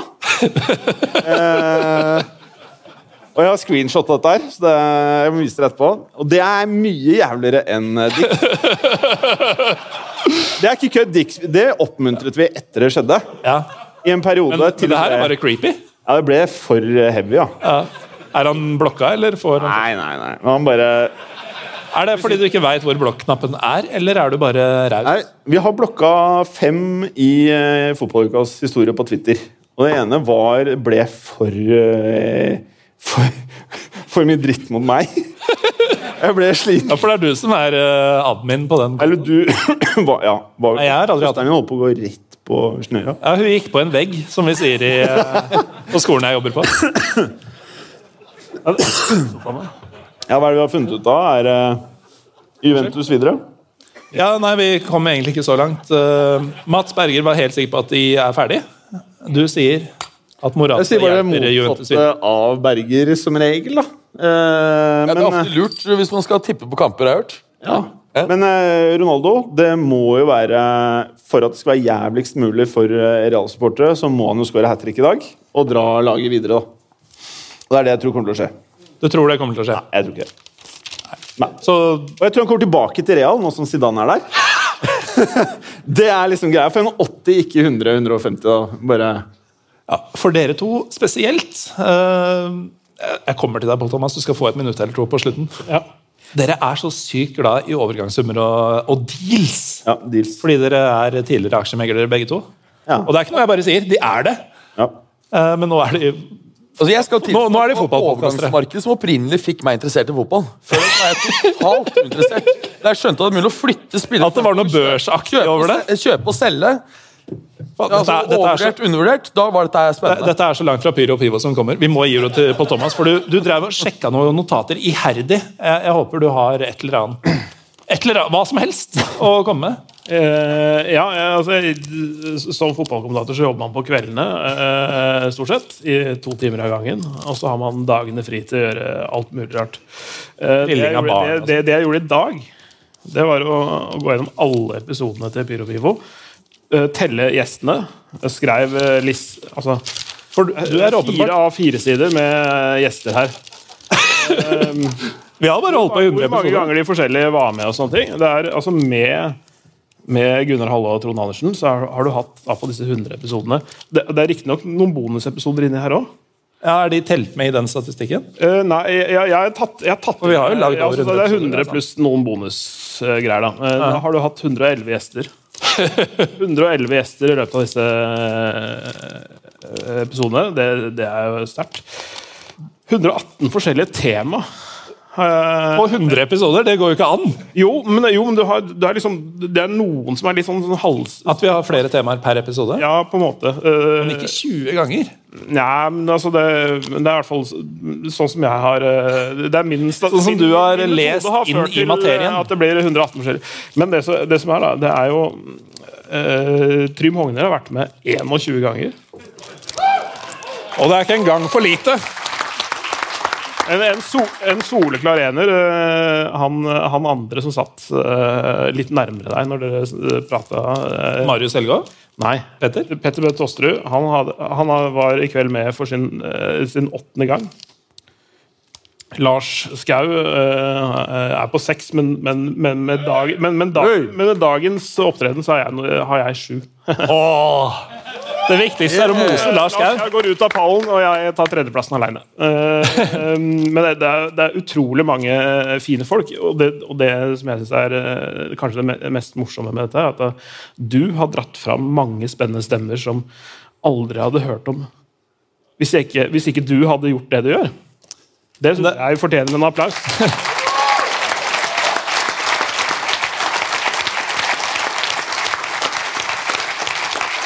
Det, ja. det setter jeg stor pris på, både fra deg og dere. Men uh, samtidig så er jo jeg en av de stemmene som ingen hadde hørt om. Som da ble trekket fram av eh, deg, blant annet, eh, Jim Fosheim. Og Ja, men Du tar ikke rampelyset, du, du, du steller deg ikke i midten. Du lar gjesten skinne, og det er det som er bra. For du lar de fortelle historiene sine, og det er det som er, som er det sterke ved Pyro Pivo. bortsett fra alle de gangene I alle dager! Um, bortsett fra alle de gangene jeg avbryter gjestene, som har skjedd mange ganger i kveld, og som jeg vet at spesielt Olum fra et eller annet altern Han er der. Ta han! Um, er veldig opptatt av å ta meg på på Twitter. Han hører tydeligvis på alt. Aldri et positivt ord. Men nå var det ny rekord i avbrytelser. Eventuelt eh, Nå har du sagt 'vi' om Fenerbahçe en gang for mye.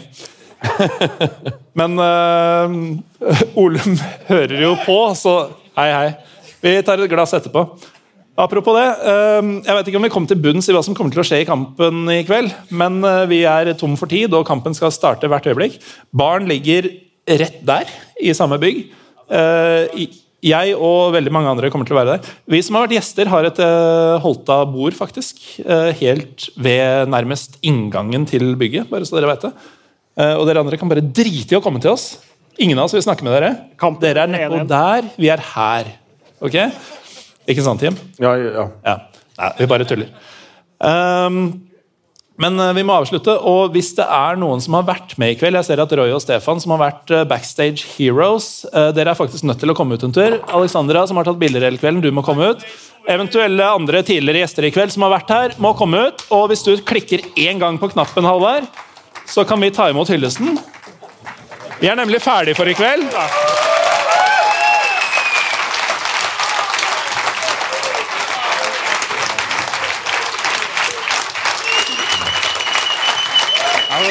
Trym Ogner kan også komme opp en tur, egentlig. Og Petter Bø Tosterud. Ingen vei tilbake nå. Løp, Petter! Løp! Han løper ikke, men han kommer. Nydelig.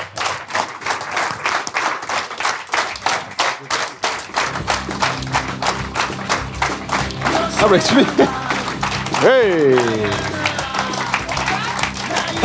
I alle dager. Kjøpt skjerf har du gjort, da. Det er jo et teater vi er på, tross alt.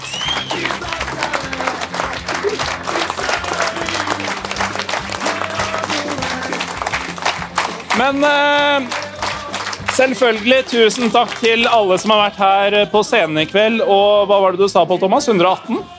Eh, nei, 111. 111 gjestene som har vært med noensinne. Uh, Pyro Pivo hadde jo ikke eksistert uten gjester. det er helt åpenbart. Jeg lagde én episode hvor det bare var meg. Den bør ingen høre på. Det, det, det er to. Du hadde en julekalenderepisoden også. Ja visst, ja. Men, men det var ikke en episode. Det var ikke en av de 100. Så nå, nå er du ferdig. Men ikke minst så hadde jeg jo ikke giddet å holde på med det her i 100 episoder hvis det ikke var for alle dere. Og tusen takk til alle som er her. Og hvis, ja, Du har trykka allerede, ja? Nydelig. Det, alt vi trenger å vite, står vel egentlig her. Nå trekker vi inn i baren og lager tidenes kø på Edderkoppen.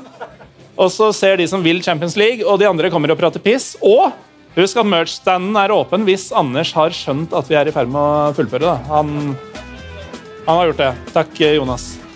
Jonas, Jonas, takk, takk, takk. takk. Uh, takk til alle sammen. Vi ses der om et lite øyeblikk.